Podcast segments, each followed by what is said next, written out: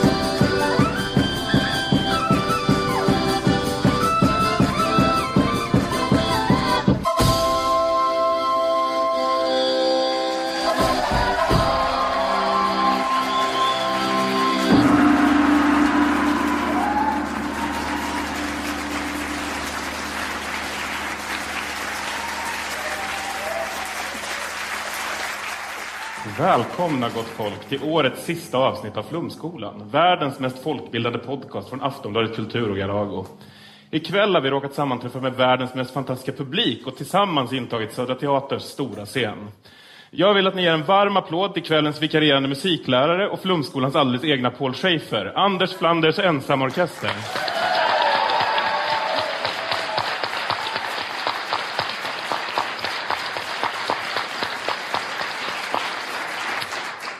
Inskrivna för examination denna decemberkväll är inga mindre än Jonathan Unge, komiker från Tankesmedjan i P3.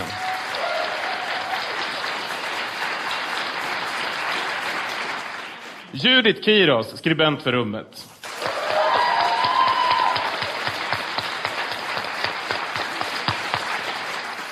Åsa Lindeborg, kulturchef på Aftonbladet.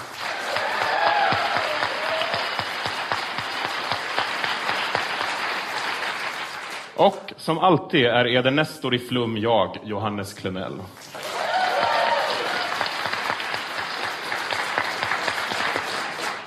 Boken Partiledaren som klev in i kylan är skriven av Daniel Suhonen.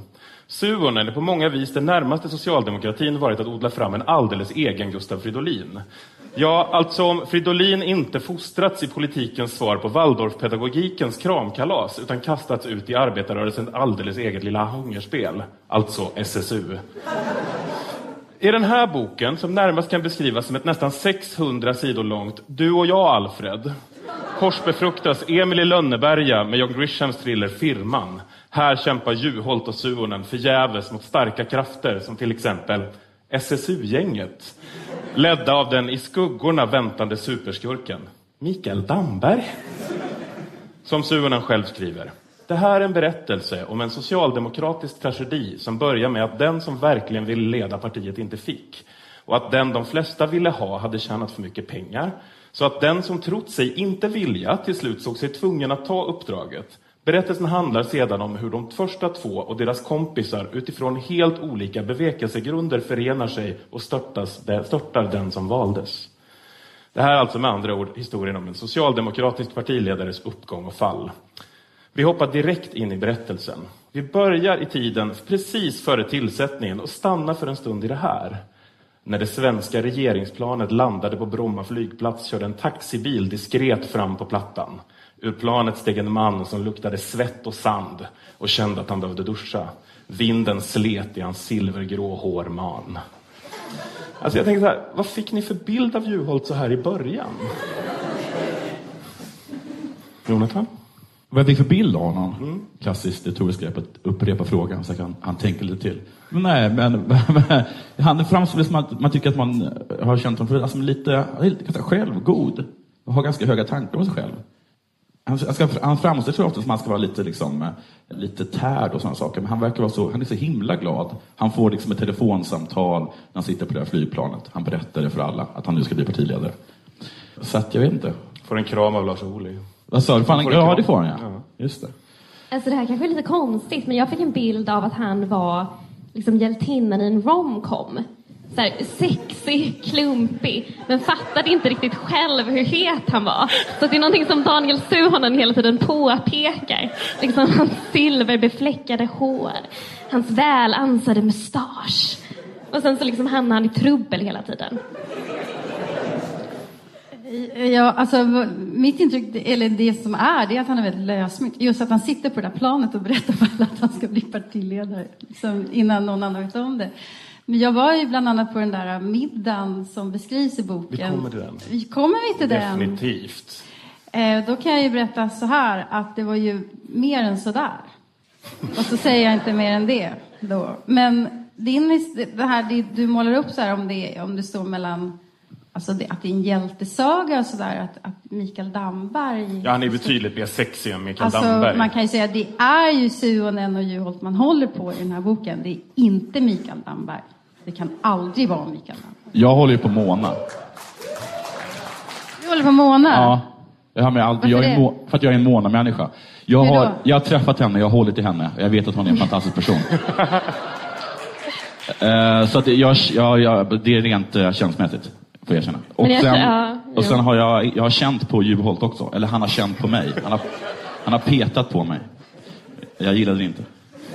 Vi ska återkomma till när du träffade Micke Damberg också. Ja. Jag träffar Sunen jättemånga gånger. Han skriver i Aftonbladet. Är han en varm människa? Va? Är han varm när du håller honom? Han, vi har petat på varandra. Ni har gjort det? Jag har aldrig träffat någon av de här personerna. Så jag är alltså mest objektiv ikväll. Och du har inte petat på någon av dem? Jag har inte petat på en enda sosse. Okay. Oh, oj! Ja. Lät du vara stolt över det? Jag tänkte faktiskt på det när jag, när jag läste den här boken. Nu har jag visserligen min son i publik, men jag har faktiskt aldrig legat med en sosse. Och det, kom, jag, jag tror det kommer inte att ske heller. Det måste man nästan ha gjort rent Alltså hur många här inne är socialdemokrater? Hur många här inne är socialdemokrater? Jag skulle, alltså, kan vi det, få en applåd? Ni för att det kan vara ganska bra att veta hur, hur pass, vad man kan säga här. Det finns ju liksom ett begränsat utrymme annars för vad man kan säga. Ingen här Om ni tycker att den här frågan om den här frågan är obehaglig, om den här frågan är obehaglig så är det ju bara det att jag har använt en sossemetod för de håller på med åsiktsregistrering hela tiden. Och ni som inte är sossar är ju kommunister eller nykommunister. Juholt värvar Tommy Weidlich som ekonomisk talesperson och Suonen reagerar på att Weidlich är en klassisk högersosse. Han konfronterar Juholt och får svaret Kan du din Machiavelli? frågade Juholt. Alltså, är inte det här lite som om Marie Antoinette frågat sin kammarjungfru om hon kan sin Robespierre? Jag vet inte vad du menar. Du får förklara för mig. Jag jag har sett tycker att- filmen eh, Marie Antoinette, så jag är insatt i den här frågan. Eh, Kunde hon sin Robespierre? eh, Men, på filmen. det där är Hon ganska fick tidigt- veta sin om tid kan man säga. Det där är ganska tidigt i boken, eller hur? Och sen anklagas ju eh, Juholt hela tiden för att vara offer för ett maktspel. Men han kör ju stenhårt med maktspel, maktspel själv.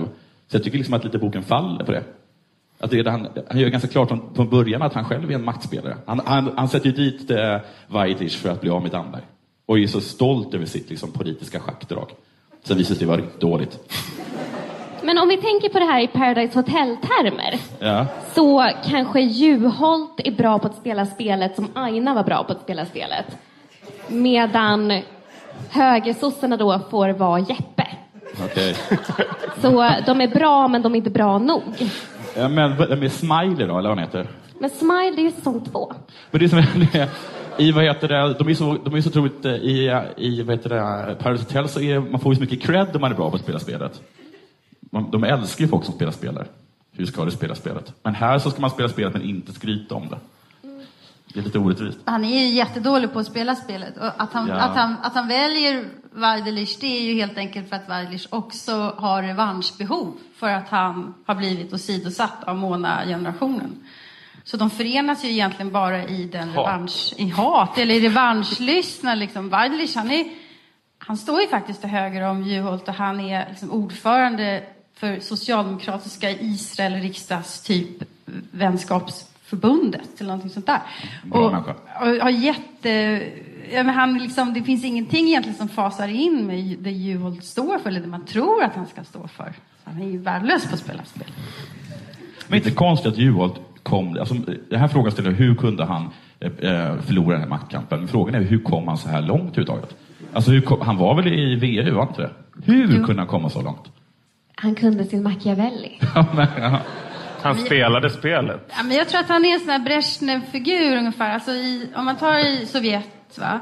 Då, då var det så att alltid, alltid när man skulle välja en ny ledare så var det liksom mittenkandidaten som vann. Alltså den som inte hade, hade profilerat sig för mycket är den som vinner, den som inte står för liksom någonting egentligen. Men det var ingen som visste vem han var, alltså, eller vad han ville eller tyckte. Så här, okej, honom kan vi styra. Visste du vem han var? Ja, visst, absolut. Alltså, jag känner ju, jag har ju forskat på så, jag är doktor i parti, socialdemokratisk partihistorik. Det är faktiskt det jag ägnat åtta år åt. Men alltså, för mig var ju Juholt en högersnubbe eftersom han var så här, eh, NATO-vän och trodde jag i alla fall, vapenlobbyist och sådär. Thomas Bodström är ju en av de tidiga konflikter som Juholt står inför. Suhonen skriver. Svaret hittade man i de idéer Bodström presenterade. Socialdemokraterna måste gå åt höger var hans ordination. Mycket lät som ett avkok på Salins linjetal från förtroenderådet i december. Jag är säker på att Juholt kan locka tillbaka äldre, LO-medlemmar och soffliggare. Det är betydligt mer osäkert om han kommer lyckas med kvinnor, ungdomar, akademiker och storstadsbor, sa Bodström.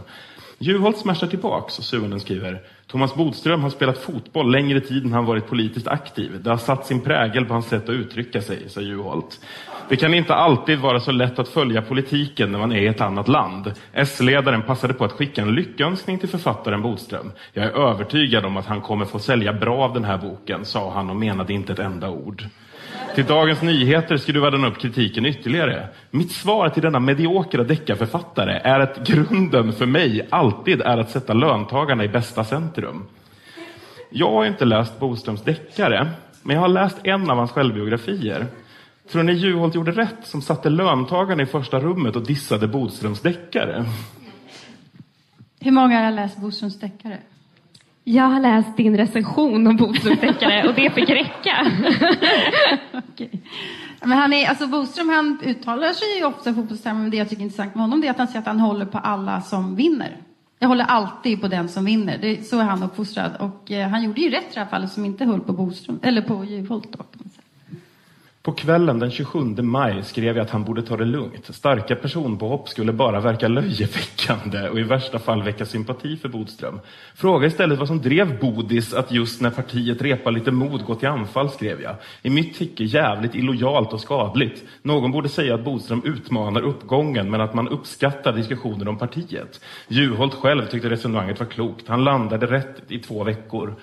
Han hade landat rätt i två veckor, men sen hade han inte orkat ta mer skit och klippt till.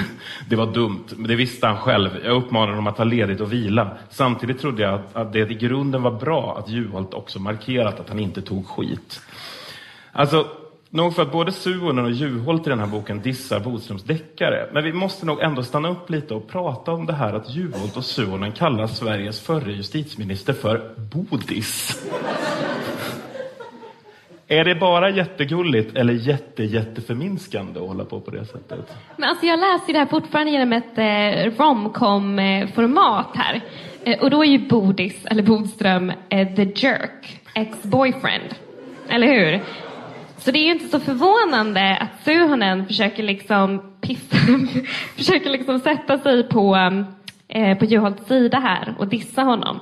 Alltså det, han har ju allt. Han har utseendet, han har fotbollstalangen, han har sin deckarkarriär. Och då måste han ju liksom sätta sig på Juholts sida. He's a jerk. Bodis.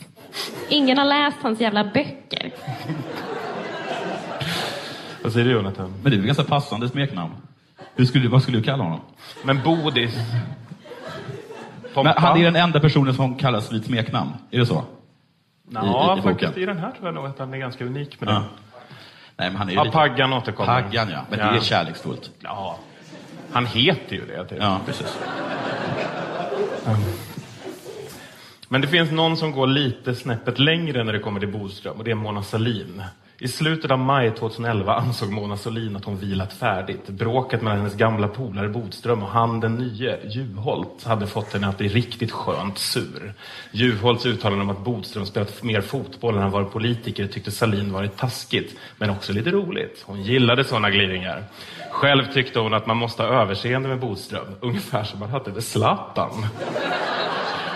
Tur bara att inte alla var Zlatan. Boström hade dessutom egentligen bara gått ut och försvarat henne. Sagt ungefär som det var. Alltså, vi går från högt till lågt nu, men inte fan det är väl Bodström på något vis lik Zlatan? Made by Sweden. Vad menar han med det? Att båda är lite pantade, eller vadå? Eller att de, att de talar innan de... De är sluggers, eller vadå? Jag borde kanske här... Jag borde jag sa den, i och för sig. Det är därför jag är här. Ja. Eh, Men du är team Mona, du borde veta det här. Ja, jag vet inte fan vad menar du med det? Men att han är lite skön, att han säger dumma saker ibland. Men man måste gilla honom. Och att han antagligen att han är snygg, och nu sa. Men du som har träffat Mona, Ja. eh, det här med att hon gillar gliringar, stämmer det? Jag vet jag har bara träffat henne i Almedalen och gått fram och bett att få en sån här selfie. Eh, och, så då har det inte varit, det har inte varit upplagt för, eh, för gliringar. Eh, så. Men jag kommer ihåg, alltså, verkligen, verkligen, om ni är i närheten av Mona, ta på henne. För att det, det, hon utstrålar en oerhört lugn och, eh, och, och kärlek faktiskt. Jag tycker också om henne. Så. Mm. Eh, eh, Du bara hatar allt hon står för. Vi fortsätter med Juholts sits. Han fjärmade sig också från sin stab, satte, aldrig ner, satte sig aldrig ner med sina medarbetare och pratade på riktigt. Inte så att det var tyst, men han hade ingen frizon där han kunde lufta sina tvivel och få ärliga mothugg. Kärnan i det organisatoriska haveriet var polit, hade varit politisk. Juholt hade valts för att ändra linjen och höll på att göra det i en rad frågor. För detta hade han fått påtaglig vind i seglen opinionsmässigt. Men det centrala teamet runt omkring honom trodde inte på strategin. Det var som om hans ihärdiga angrepp på borgerligheten angrep även dem. Samtidigt skulle jag vara en hemlighet. Tidentjänsten var en täckmantel för att jag skulle kunna hjälpa honom. Inte ens hans egna medarbetare skulle få veta något. Den kvällen låg Juholt hemma på soffan i Västertorp och tänkte att han ville utveckla tankarna om medborgarvärdet. Alltså bara ligga hemma och tänka. Jag behöver ingångar, exempel och stöd, skrev han i ett, ett sms till ett par av sina vänner och medborgare. Vackra formuleringar, liksom i analys av såväl mina tal och högarledarens. Det var för få som kunde inspirera och stärka honom. Juholt hade redan förklarat för mig att det var omöjligt att officiellt anställa mig som talskrivare. Du är för radikal. Det var först när jag lagt på luren efter Expressens påringning som jag insåg att lösningen att ha mig som hemlig medarbetare kanske trots allt var genial. Alltså jag tänker så här i retrospekt att, att referera till sin egen, förvisso hemliga tillsättning som ideolog för den socialdemokratiska partiledare som suttit på sin post kortast tid som genial, för att den hände i hemlighet.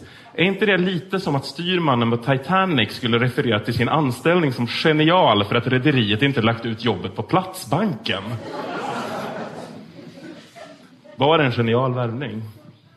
Alltså jag måste säga, Suonen är en av de absolut skickligaste retoriker som jag känner. När jag tänker på honom så tänker jag ungefär på en sån här tuggummimaskin som fanns när jag var liten. Man stoppar i 50 öre och sen så får man hela handen full med runda, vackra, färgglada tuggummin. Och sån, sån är faktiskt Daniel när han pratar.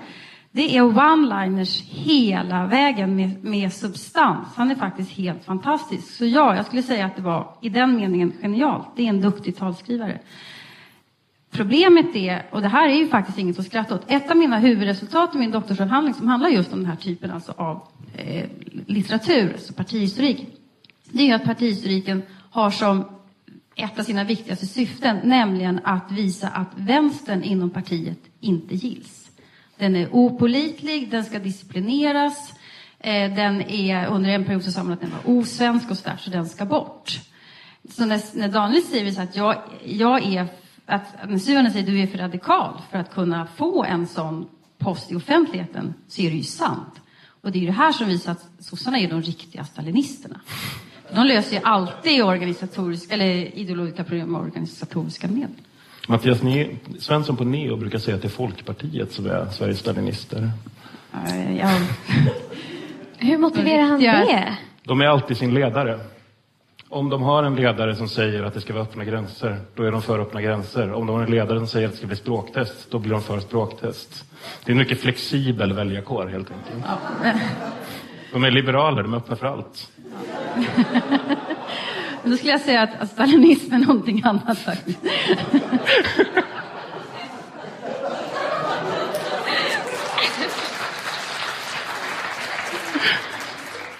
Det var vid sextiden på fredagskvällen den 16 juni 2011 och Håkan Juholt satt i bilen på väg till Oskarshamn. Bilradion var uppskruvad och spelade Dolly Partons Working 9 to 5. Det var hemfärd. Utanför låg det svällande gröna landskapet. Det var årets allra ljusaste dygn han hade framför sig. Han tittade upp från mobilen ett slag och lät ögonen vila på åkrar som gled förbi. En traktor brummade och fick hela bilden att framstå som en reklamfilm för Lantmännen. I praktiken bodde Juholt i Stockholm, som ändå kändes som Oskarshamn, ändå kändes Oskarshamn förvånansvärt mycket som hemma. Han var nöjd med sig själv. Jävlar vad jag rockade på IF Metalls kongress, tänkte han. Talet samma dag var nog hans bästa någonsin. Vet ni vad jag undrar här? Tror ni det är Juholt eller Suonen som använder ordet rockar om IF Metalls kongress? Alltså vi måste ju prata om det här. För jag har upptäckt någonting med den här boken och det är att Daniel Suhonen har magiska krafter. Han kan läsa allas tankar konstant. Och liksom han, han missbrukar de här krafterna på ett sätt som eh, man inte får göra i den magiska världen, säger jag med erfarenhet. Eh, och det är liksom hela tiden sådana saker. Eh, Håkan Juholt kammade håret framför spegeln. Fan vad snygg jag är, tänkte han ah, ilsket. Eller liksom, jag sneglade mot Ylva Johansson. Hennes ögon brann av helvetets eldar. Snart har jag avsatt Juholt och ersatt honom med eh, eh Satan. alltså det är liksom hela tiden sådana här eh, jättekonstiga detaljer. Nu vet jag inte ifall det var just Ylva Johansson. Men eh, eh, det var definitivt någon vars ögon tindrade med ett inneboende mörker. Eh, och det, det tänkte jag på i den passagen. Eh, och så tänkte jag också på eh, det här med hur många detaljer som kommer upp hela tiden. Alltså Daniel Suhonen alltid tycker att det är jätterelevant att skriva om när han drack kaffe. Har någon tänkt på hur mycket kaffe som konsumeras i den här boken? Jättemycket, men just det att han slänger in lite detaljer, det är väl bara för att han vill göra det lite litterärt. Eh, för, mm. för Så då och då så säger han, eh, står en diskmaskin och mullrar. Till exempel. Och så kastar han in, det är mycket saker som mullrar Eh, att man bara kastar in eh, det, så det ska verka som det är en bok. Det är också möjligt. Och inte, och inte en artikel. Eh, Men det som du säger där, att han just har den här kraften att kunna liksom gå in i människors huvud och känna eh, vad, de, vad de tänker. Och det som är lite obehagligt är att alla är så fruktansvärt självgoda. Alla tycker att de är geniala, eller skulle säga skitsnygg. Det kanske säger mer om eh, Daniel Sonen eller de människorna han går in i. Men, men kan det stora problemet med Han Juholt måste ju vara... tänka, vad tänker en människa? Om jag skulle sätta mig in i hur en människa tänker. Genial och snygg. Men kan inte det stora problemet med Juholt vara att han helt enkelt inte rockade fett? Undrar jag här. Jag tror det är LO-tidningen som har skrivit det där. Ser du vad jag ser, sa han. han vänd, jag vände mig om. Thomas Bodström stod framför ett bord framför Almedalsbiblioteket vars glasfasad glittrade som ett isberg i solen. Vi befann oss i själva hjärtat av politikerveckan. Vi måste hälsa, sa jag. Jag gick fram och frågade om försäljningen gick bra. Juholt stod lite avvaktande bredvid. Vi var nästan ensamma. Jo då, svarade Bodström och sträckte fram handen till Juholt. Borde inte jag få provision, sa jag. Ingen har ju gjort mer reklam för din bok. Ja, det skulle ju vara jag då, sa Bodström och log. Juholt bläddrade i en av böckerna. Jag tänkte köpa den där, men bara om jag får en dedikation, sa Juholt och tog fram plånboken. Jag, vars karriär i SSU sträcker sig till fem månaders ordförandeskap i åttonde klass i SSU-föreningen SSU Break Easy Sunne, fattar inte riktigt. Antingen är småsvinigheten total här, eller så sluter de någon sorts fred. Går det någonsin att avgöra med sossar? Eh, Det, det går ju inte. Nej, de är helt faktiskt. Nej, men det känns ju som att det är skrivet på ett eh, annat språk, eh, socialdemokratiska. Där inget är som man tror att det är. Eller? Så. Så jag har, jag har ingen aning. Ingen aning. Bara en annan fråga. Så stod han utanför biblioteket och krängde sina böcker? Ja. Eh, är det? Han hade ändå tre jobb. Jag skulle vara- det vara intressant att veta om Juholt fick ett kvitto. Och huruvida de, är, att de har- de har skattat på den inkomsten. Det är en jävligt relevant fråga. Det är en hyfsat relevant fråga. Så kan jag säga. Bokmomsen är bara 6 procent. Eh, Det är möjligt att Bodström kunde kvitta det på något sätt. Om det bara var Juholt som köpte Men man måste kunna vara trevlig mot en person man inte gillar också. Det kanske bara är så att sossar är artiga. Vi ska kolla upp det här, Martin Ågård, publiken här imorgon.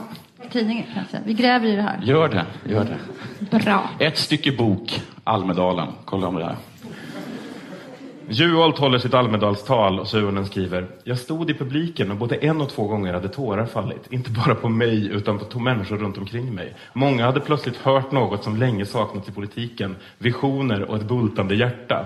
Fyra dagar tidigare hade Fredrik Reinfeldt äntrat scen. Han hade förmodligen lite jagad av Juholts visioner talat om framtiden och ifall det fanns liv i rymden. Och om de barn som föds idag beräknas bli över hundra år gamla. Alltså, håll igen nu. Stod alltså Sunen och grät när han hörde ett tal han själv hade skrivit.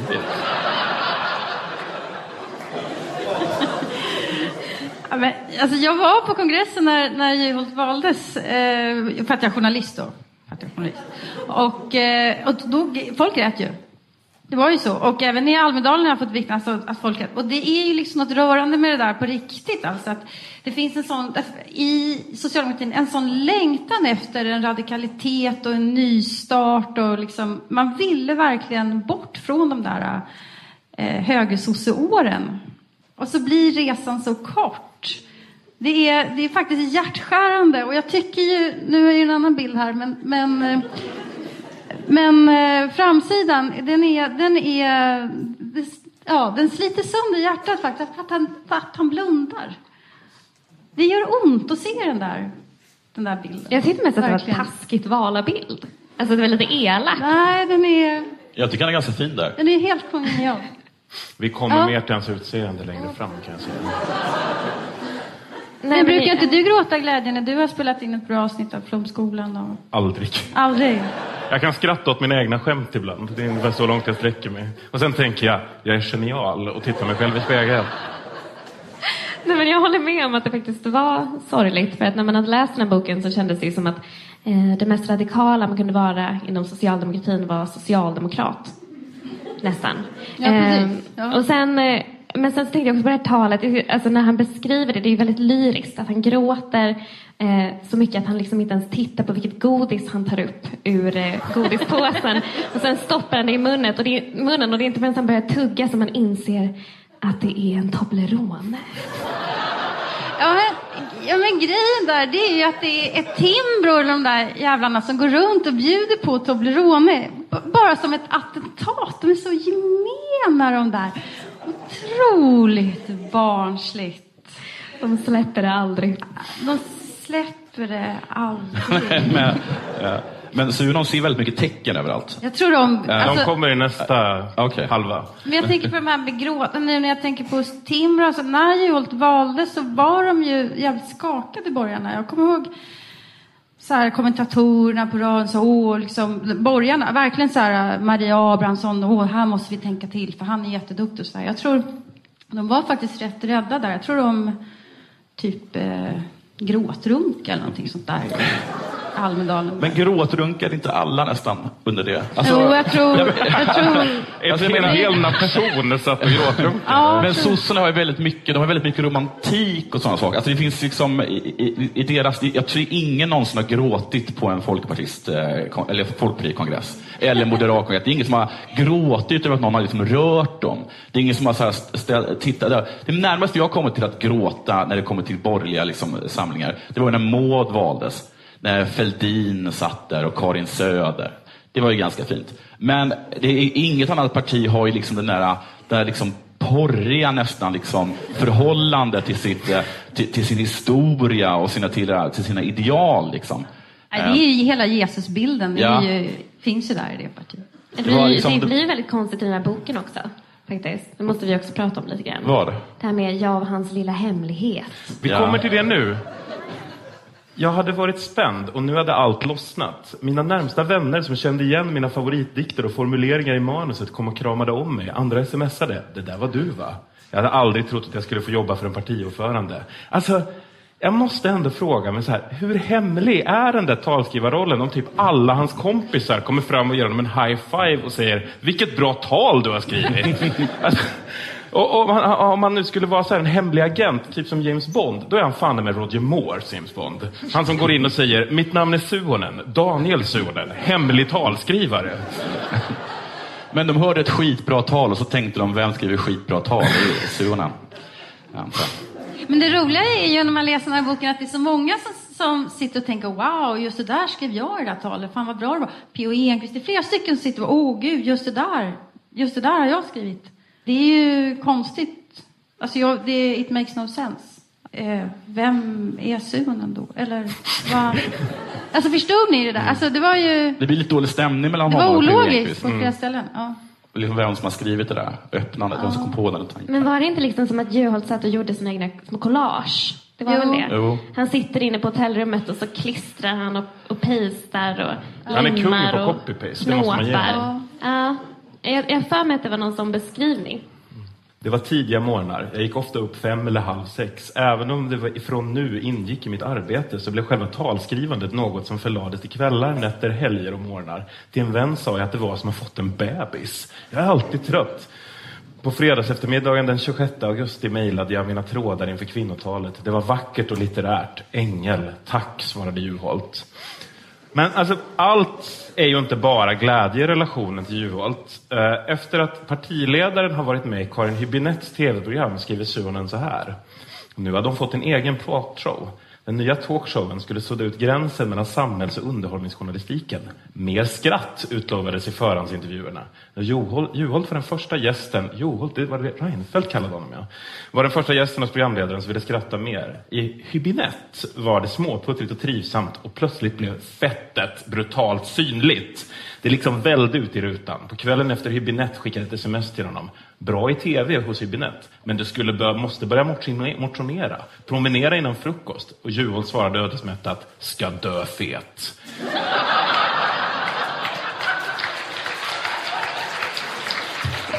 Jag fortsatte vara rak och ärlig. Du börjar bli tjock. Farligt, osexigt, dumt. Jag fortsatte. Det är stressfetma. Boka tid med en dietist. Alltså, vad fan kommer det här plötsliga påhoppet om Juholts vikt ifrån? Tillför det någonting till den här boken överhuvudtaget? Hans vikt var väl ganska, ganska diskuterat, var det inte det? Att han var tjock. Men vad fan, Göran Persson var ju skitfet. Och det nämner, det nämner Maud sonen. Olofsson. Ja.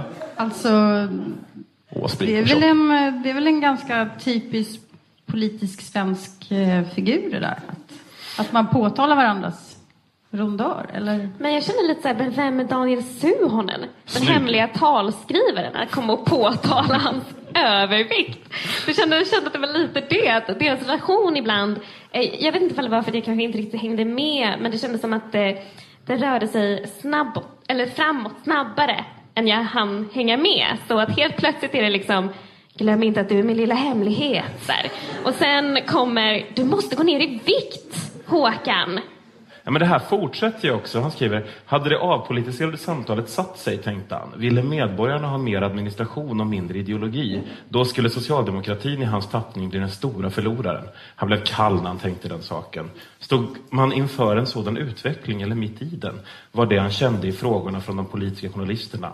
Eller när, eller när det var så okritiska mot borgarna. Politiken skulle till slut bli ett blaskigt rödvin. Han ville vara mustig, ett rioja. Det skulle kännas i gommen, politiken. Tankarna återvände till Elvis, hur han stått där i Las Vegas i sin vita jumpsuit och sjungit In the Ghetto om fattiga barn för de rika. Juholt tyckte det var bedrövligt att de kunde utnyttja en människa så. Elvis förlorade sitt människovärde. Hela omgivningen såg att han var en döende. Ändå skulle denna guldkalv upp på scenen och generera pengar när han borde blivit placerad på ett hälsohem. Alltså, måste han dra det ännu längre genom att omedelbart referera till vad som i folkmun kallas Fet-Elvis? Är det här Håkan Juholt? Men jag, är lite- jag är lite osäker på... Alltså, först fick jag för mig att, att, eh, att Håkan Juholt var en sorts liksom, Jesusfigur för eh, sonen. Hur säger han? Jag säger fel hela tiden va? Nej, sonen. Eh, och sen så fick jag en känsla av att han var en fadersfigur. Han sa någonting om att han såg mig och sådana saker. Och eh, han liksom hänger på varje, på varje gång som, som Juholt blinkar eller säger tjenare eller vad som helst. Liksom.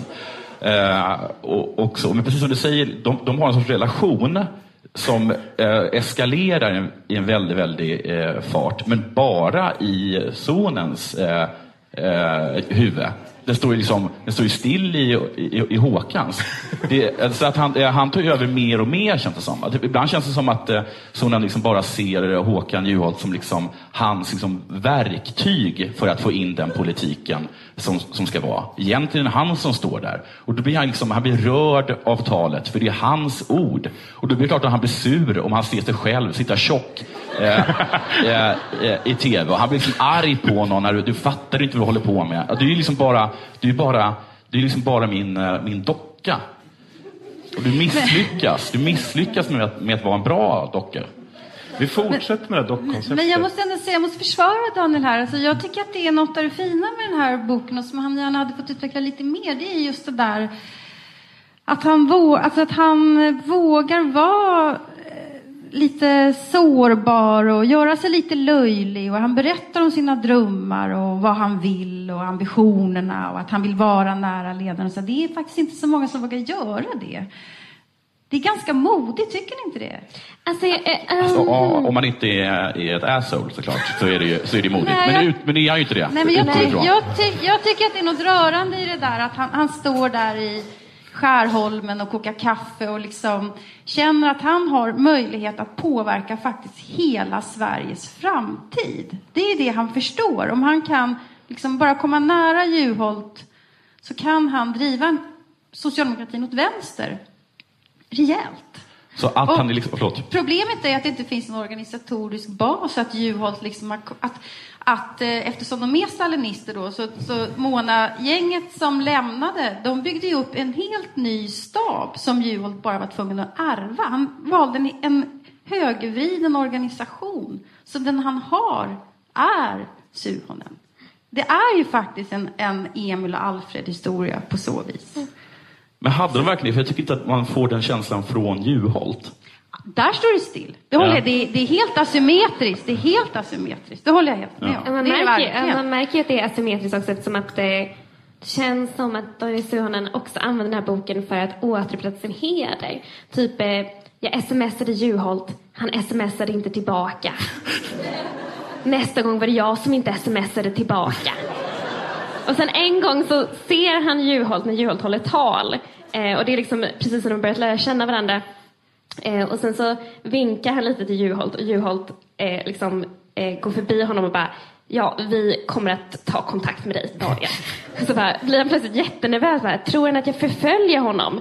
Det gjorde jag inte alls. Jag råkade bara vara där.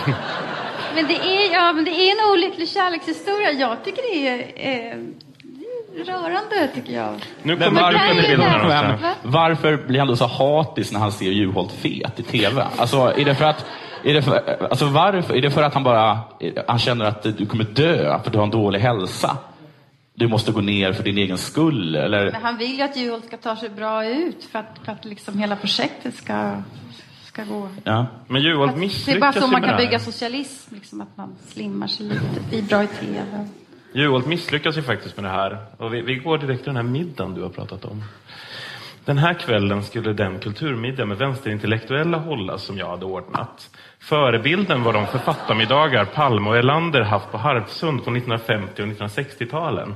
Personer jag lärt känna, satte stort värde på och visste fungerade i samtal. Han ringde inte mig. Några av dem jag betraktade som vänner, han ringde inte mig. Uh mötet skulle bli en slags upptakt. Avsändare var Juholt och jag som chefredaktör för tidskriften Tiden. Upplägget var några korta inledningar om kulturens roll i ett radikalt samhällsbygge. En god middag och några flaskor vin. Juholt förband sig att inte utnyttja gruppen som samlats i något yttre sammanhang.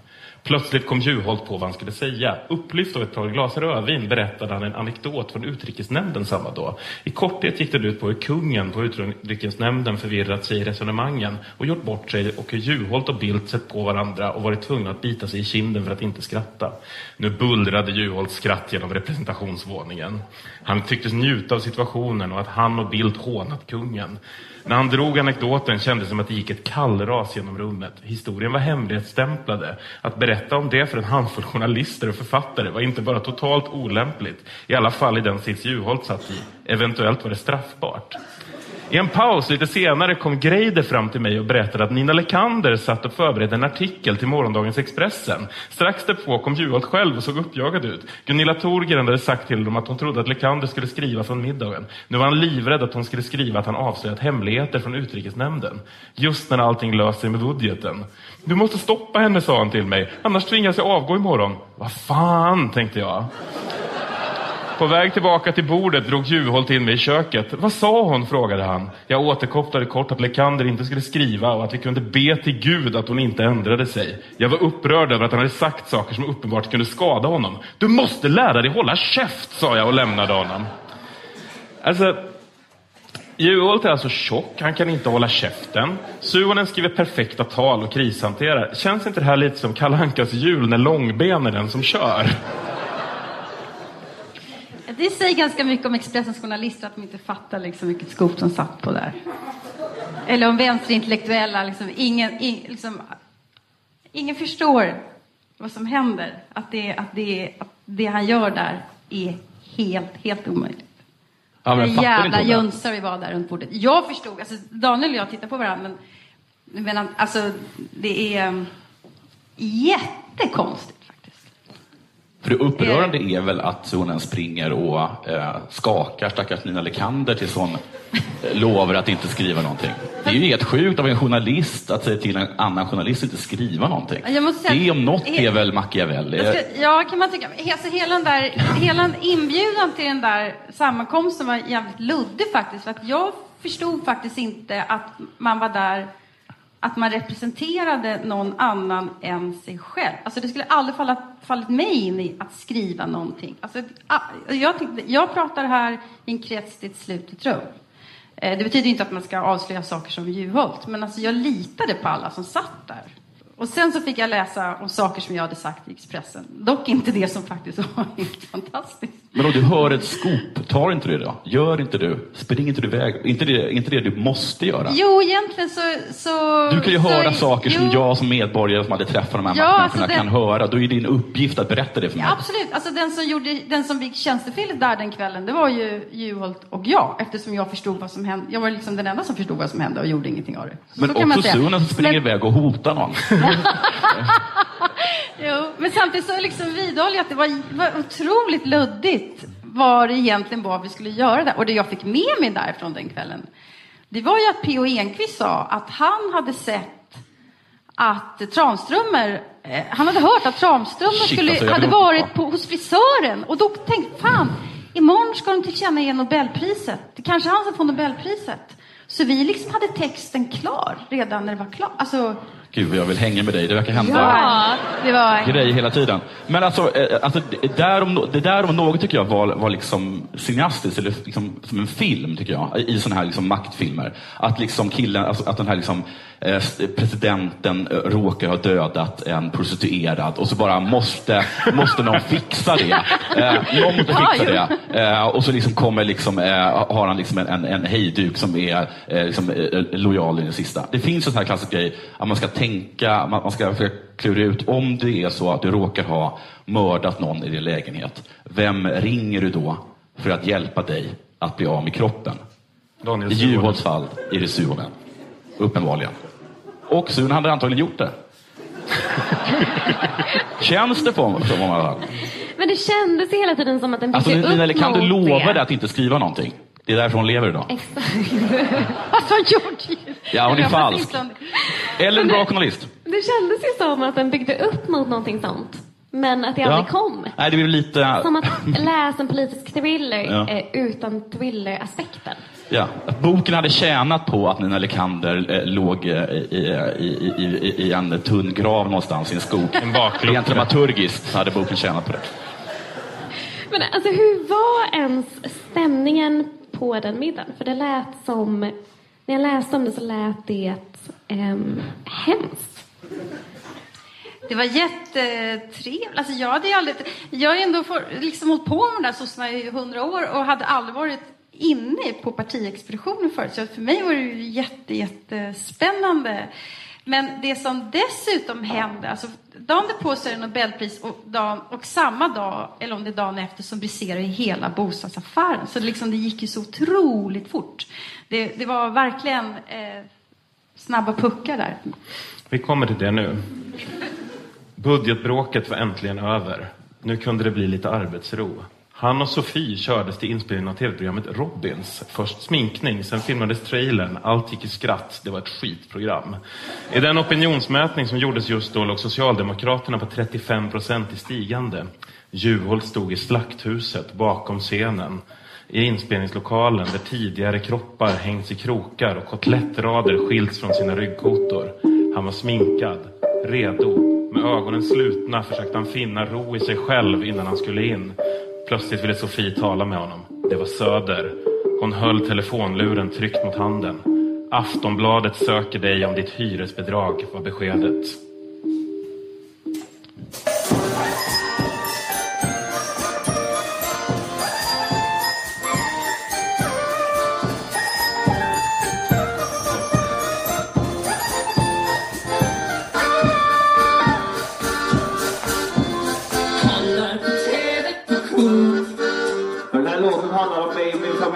Familj mitt utanför Finspång.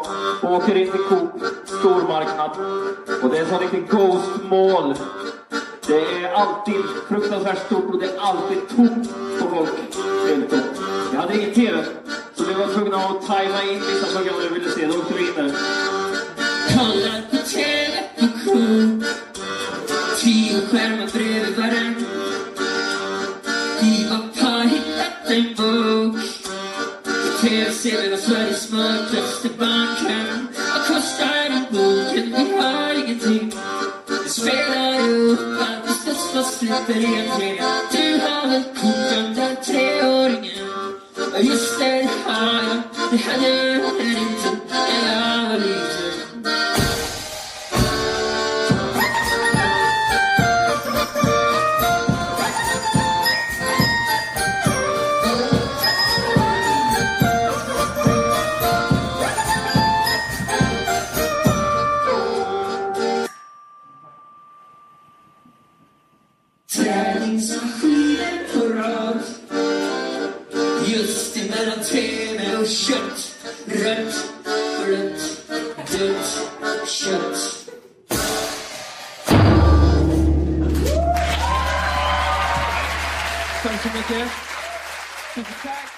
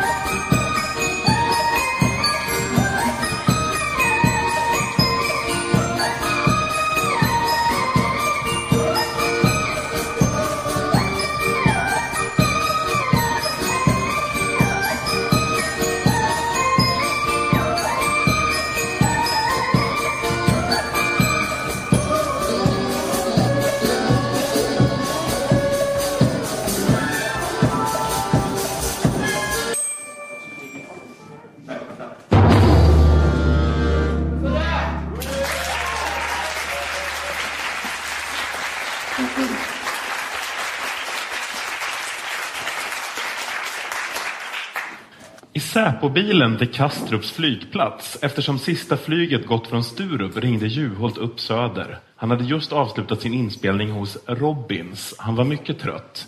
Han sa att Söder måste förklara för Aftonbladet att de legat på förvaltningen för att hitta en lösning, men att de förhalat och inte sagt vad de skulle göra. På Kastrup, från en bänk i avgångshallen efter säkerhetskontrollen, fortsatte sedan samtalet mellan partiledaren och hans kanslichef angående vad som hänt och om allvaret i situationen. Det farligaste som finns för en socialdemokratisk ledare är att bestickas med girighet med allmänna medel. Därnäst misstanken om att slarva. Detta var båda delarna. Juholt hade informerats om att Söder löste detta. Söder och en annan assistent som heter Servin försöker krishantera, men de klantar sig så totalt för att ingen fattar reglerna. Suhonen fortsätter skriva. Hade han misstänkt att det var något allvarligt hade han själv gått bort till riksdagsförvaltningen och rätt ut det. Det skulle ha tagit honom tio minuter. Istället hade Söder och Servin ägnat veckor åt det han själv borde ordna. Men samtidigt sa Söder att RF sagt att Juholt inte gjort fel. Juholt tvingade sig att ta upp bunten med VU-förhandlingar och sin portfölj. Han var helt slut. Senare somnade han i Säpobilen hem och de fick väcka honom med ett ömsint Vi är framme. Alltså, här väcks en lite orolig fråga hos mig. Anledningen till att Juholt inte själv tar itu med det här på några minuter är för att han är trött efter att ha varit i Malmö och spelat in Robins. Är det inte lite oroväckande att tänka sig att fucking Robin Paulsson råkat fälla en partiledare? Jag kan även se en större konspiration här om vi tar en titt på den här bevisföringen. Robin Paulsson är alltså just nu ute på turné med David Batra, gift med Moderaternas nyblivna partiledare Anna Kindberg Batra. Är Juholts avsättning en moderat konspiration? Det är inte omöjligt. Efter att ha läst den här boken så kan inse att vad som helst kan hända. Men varför såg inte Suhonen de här mönstren? De är så uppenbara. Jag har ett ljud till den här bilden också när jag ser den. Här syns den från 89. Jag tar ljudet computer.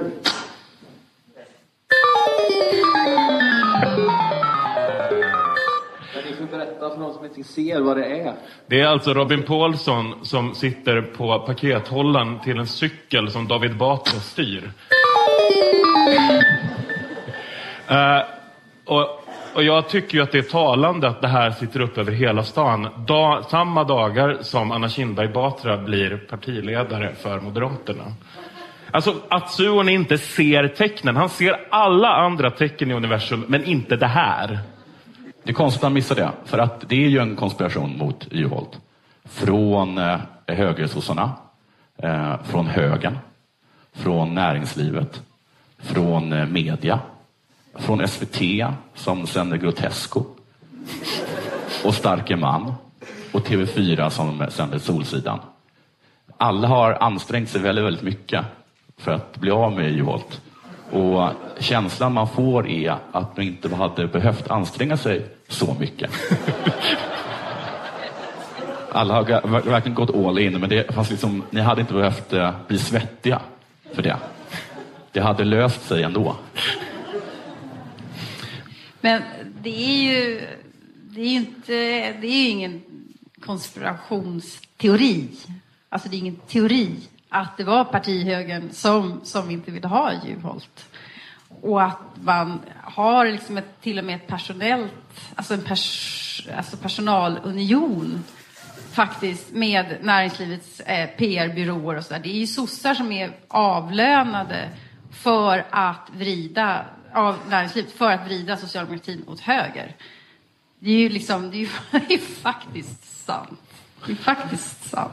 Den tror jag grotesk har en väldigt liten roll i det här. En liten men, eh, men, men, eh, men ack så viktig känns det som.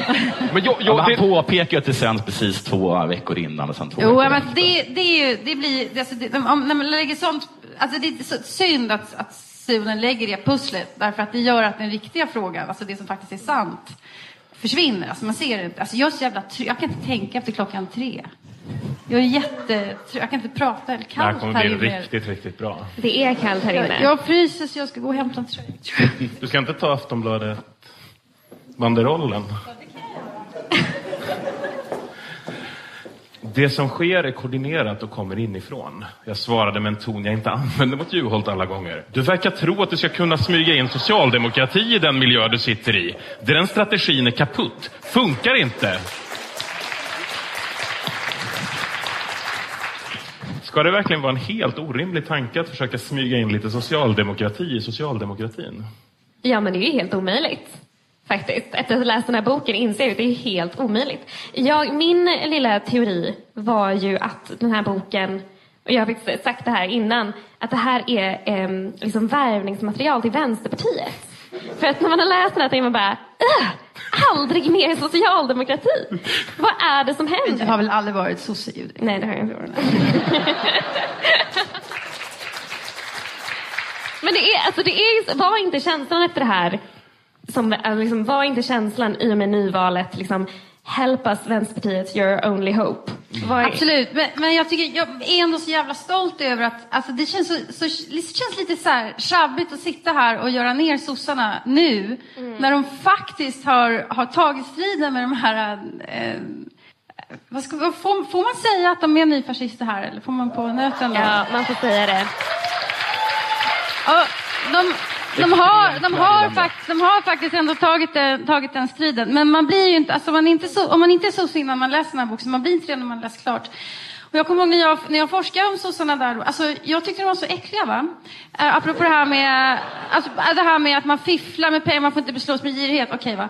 Uh, Hjalmar Branting, han, han fifflar ju hela tiden, han, han, han fifflar med resräkningarna, han tog betalt av Ludvika. Och av partistyrelsen han åkte till Lund. Alltså det var hela tiden, hela tiden mygel. Han hade åkt eh, direkt om det, om det hade varit idag. Jag tyckte det var så snubb. Han våldtog ju typ en tjej också så här. Ja, pappan skriver till och så här ber honom sluta komma våldföra på min dotter och så här. Så jag var tvungen att åka hem och duscha mitt på dagen. Ett tag så var jag så här söndertvättad i hela huden för att jag höll på med Socialdemokraterna. Eh, och jag, det kände kröp liksom i mig när jag läste den här boken för att de är ju jätteläbbiga alltså. Nej, men det påminner lite om... Eh, jag har en kompis som har snöat in sig jättemycket på bysantinska riket. Eh, och då vid det hovet, så istället för liksom alltså avsätt, alltså avsätta folk så bara eh, liksom högg man ihjäl dem eller förblindade dem för att liksom kunna föra sin kejsare till toppen. Och det var lite den känslan jag fick här. Det är väldigt förmodernt parti. parti Ja. alltså, Men var det inte Juholt som började? eller var han kuppade väl lite? Eller? Och så blev han kuppad själv. Ska han vara ledsen över det? Eller? Jag det tror inte han what kupp- goes jag tror inte han kuppar faktiskt. Han kuppade inte? Nej, jag tror inte. Jag tror, han, att- jag tror att en, en gång i livet spelar korten ganska bra, men jag tror inte han kuppar. Men det är inte något att sossarna överdriver om sig nu konspirationer, men det är bara, det är bara stridigheter inom ett parti. Ja, men, men alltså, det som gör sossarna lite märk, märkliga ändå, det är ju faktiskt att den, att den, den, mest, alltså den viktigaste... Vad ska jag säga? Nej, men det är att de är köpta av näringslivet helt enkelt. Men det kan man ju, det kan man ju tycka är, är, är vidrigt. Men, eh, eh, eller en bra idé. Men det spelar ingen roll. Men vad jag menar är att eh, när Juholt kom, det var det, som det precis i boken, och som man lite kände också, att eh, det var liksom en, eh, det blev en jävla geist kring det. Alla blev jätte, lite upprymda. Nu, nu skulle det bli bra. Och så vidare. Eh, och det, det fanns liksom, och även liksom från, kanske från motståndarna, så fanns det liksom att man, att man, liksom, eh, att man hörde, han, han talade, man gillade det man hörde. Han kunde liksom fånga en publik. Men sen så kom det liksom ingenting.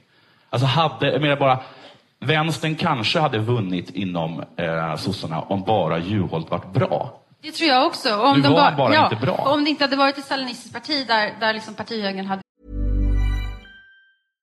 Ryan Reynolds here from Mint Mobile. With the price of just about everything going up during inflation, we thought we'd bring our prices down. So to help us, we brought in a reverse auctioneer, which is apparently a thing. Mint Mobile unlimited premium wireless. Ready to get 30, 30, bit to get 30, bit to get 20, 20, 20, bit to get 20, 20, bit to get 15, 15, 15, 15 just 15 bucks a month. So, Give it a try at mintmobile.com slash switch. $45 up front for three months plus taxes and fees. Promo rate for new customers for limited time. Unlimited more than 40 gigabytes per month. Slows. Full terms at mintmobile.com. besuttit alla viktiga poster förutom just parti, partiledarposten. Men alltså det är som du säger, alltså, det var enorma förväntningar på Juholt. Jag minns när jag åt lunch en gång med, med, med Suhonen. Det var precis några dagar innan, innan Juholt skulle vä- alltså innan kongresstalet som Suhonen då satt och skrev på utan att jag visste. Ehm, så så då, då- går vi, då går vi där på Vasagatan och sen så går vi förbi eh, några fackpampar, alltså vad heter det, sådana här ehm, um, LO, företrädarna för arbetarklassen helt enkelt sitter där och äter lunch. Och så stannar de och snackar lite med Juholt och så berättar de, och de var så fantastiskt eh, eh, engagerade i detta att det var Juholt. Att det var, fast de jämförde inte med att Jesus kom, men det var som Mao och den stora marschen. Så här, för, först så slogs den ena ut och sen så slog den andra ut och sen den tredje och den fjärde och Damberg var borta. Och sen då kliver Juholt fram och det är som en vulkan. Så här var det en av de där eh, avtalsförhandlarna som sa. Det var ganska gulligt. Och liksom, det var verkligen så här, wow, här, nu blir det, nu påbörjas en ny, det här är år noll på något sätt. Nu börjar något nytt. Och så blev det någonting annat. Men jag tänker så här, var alla så upprymda? Jag kommer ihåg att det finns, eh, Sören beskriver en eh, riksdagsdebatt. Han sitter liksom själv och liksom fistpampar i luften och bara nej, säg inget. Och säger liksom, det här är helt fantastiskt. Ja. Och sen så, fast sen så ser han att Vem- vem säger kameran, eh, sonen liksom tycker att det här är fantastiskt. Ja. Och sen så ser han att eh, kameran också visar några sossar i publiken, han nämner dem i namn, jag kommer inte ihåg exakt, eh, som ser kalla ut i blicken. Nej. Som tänker liksom, fan vad snygg jag är idag. Nej, det tänker jag inte. Men de tänker förmodligen i stil med, eh, snart har vi honom liksom, i vår fälla. Ja, men, Så det är liksom lite foreshadowing. Ja, som det är det. Men det känns bara liksom som att liksom, det är första gången han träffar den här, vad hette han? Eh, vad hette han? Som, var, som beskrevs som han som Juholts enda vän. Peter Servin. Vad Hette han det? Nej, inte Peter Servin. Peter Nej. Servin var ju någon sorts klantarsle. Han var klantarsle, men ändå Eh, kompis. men, men han, det var ju hans kompis på. Östran. Ja. Men liksom det, bland det första han säger till, Kinder. till sonen är ju att eh, någon måste hjälpa Juholt. Här har vi en ny person, någon måste hjälpa honom. Vi behöver någon, han måste ha hjälp hela tiden. Liksom. Och vad händer då? Jo, då händer det här. Den kvällen vid kvart i sju skickade Juholt och jag flera sms till varandra. Rid ut detta, skrev jag. Jag hade pratat med Kinder om onsdagens partiledardebatt och vi försökte ha en strategi. Även om jag är trött så njurarna verkar ska jag försöka hjälpa till. Men är det partihögern hoppas jag att detta får en tänka en del på vad jag sagt till dig. Juholt svarade bara kort. Det är partihögern, du har mejl nu. Jag förstod att han hade ett helvete. Håkan Juholt svarade vid halv nio på kvällen. Jag har gått sönder. Det var inte det här jag ville höra 36 timmar innan riksdagens partiledardebatt. Har du någon att snacka med, frågade jag. Min son, 19 år, kommer upp igår, svarade han. Vi pratar om meningen med livet. Åsa håller om mig när jag ligger i fosterställning och Ja. skakar. Jag svarade, än är det inte kört. Drick ingen alkohol. Ta en sömntablett och sov. Var mild mot dig. Stäng av telefonen. Vila. Lyssna på en bra skiva. Håkan svarade, jag har gått ner fem kilo på fem veckor med GI tack vare dig. Alltså, jag, jag, vill- jag, jag tycker det är ganska viktigt att flika in en sak här. Jag testade LCHF en gång i tiden. Jag gick ner jättemycket i vikt, men jag hade fan inte klarat av att hantera och anklagas för bidragsfusk som partiledare för sossarna i det stadiet. Alltså, det här att Ju- Suhonen liksom kommenterat Juholts vikt, kan det vara det som la grunden till socialdemokratins kris? Att han helt enkelt var helt dum i huvudet av sina dieter? Jag kunde relatera till det där stycket. Inte för att jag har gått ner så där mycket i vikt, utan för att jag också kan rulla ihop mig i en liten boll och prata om meningen med livet när jag tycker att saker är svåra. Och om jag hade blivit anklagad för bidragsfusk så skulle jag förmodligen eh, inte smsat med Daniel Suhonen samtidigt. Finns det inte någon i detta jävla parti, denna rörelse, som kan gå ut och slå fast orimligheten i att beskriva en biståndsresa till Vitryssland betald av riksdagens stipendienämnd som en smekmånad, nästan skrek Juholt. Framför honom satt partisekreterare Karin Jämtin. Vitrysslandsdrevet drev honom som en mara. Han skulle kanske avgå, men inte på grund av den resan. Juholt gick av och an i VU-rummet på sjunde våningen på partihögkvarteret. Någon senior borde sätta ner foten och stoppa kampanjen mot honom. Björn von Sydow kanske, eller Thage G Petter Pettersson. Någon av partiets talmän föreslog Juholt. Kunde de inte gå ut? Han satte sig ner i soffan med ryggen mot fönstret mot Sveavägen, hällde upp lite kaffe ur en termos. Han körde GI, måste komma ner i vikt. I alla fall något att hålla sig till när allt annat rämnade. Alltså den här jävla diethetsen! Vad är det för någonting? Det säger också hur, hur, ill, hur dåligt han mådde Juholt om det enda lilla glädjeämnet i hans liv var bantning. Att det var liksom det som var bäst i hans liv just då. Mm. Men jag fattar inte, alltså jag, rent så här, du är litteraturvetare. Alltså, vad vad tillför aspekten utav liksom den här hälsohetsen till den här boken? Kan det handla om um, den klassiska länken mellan partiordförande, eller liksom premiärminister, statsministerns kropp och nationens mående? I, I tragedier så brukar jag ofta eh, liksom en, en stat i upplösning också liksom skildras genom att kroppar befinner sig i upplösning. Alltså, det, kroppen, fyra år senare är det här verkligen komma med. Nej, nej, men, Nej, men det är en bra tolkning tycker jag. Du tycker men, det? Ja, jag tycker, jag tycker att den håller. Men framförallt så, så den där kroppen är ganska viktig för att förstå det klassförakt som, som Juholt var utsatt för från eh, det borgerliga kommentariatet. Man såg ner på honom väldigt, väldigt mycket just för att han, för att han inte var fostrad i de fina salongerna utan han, att han var liksom enkel arbetarpojk från början. Och då blir den här stora, svettiga kroppen ett bevis på hur primitiv han är. Och därför så blir det, tror jag, viktigt för, för Suhonen att, att Juholt ska tämja den där kroppen också. För att passa in i det här borgerliga etablissemangets för- förväntningar på hur en ledare ska vara. Fast samtidigt, samtidigt så är det liksom så här att, att, att det, det emotionella ligger ändå någonstans där. Han skrev så här, kvart i två skrev jag ett sms till Juholt. Avgå inte, göm dig någonstans. Och hem till mig i Skärholmen. Du kan få nycklarna. Inse att alla är dina fiender.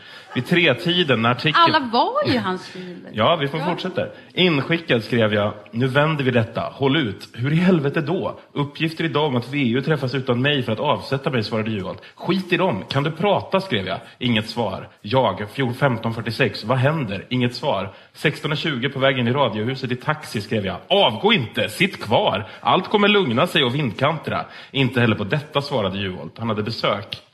Alltså, sett till de här tidigare pikarna, skulle ni tycka att det är en trygg zon att bege sig till när allt går åt helvete och komma hem till en polare som bara “Synd att allt håller på att rasa, din jävla tjockis!” Jag hade inte åkt dit. Det som är lite fint är väl att, han, att Sune verkligen, verkligen kämpar för att Håkan Juholt ska, ska klara det här.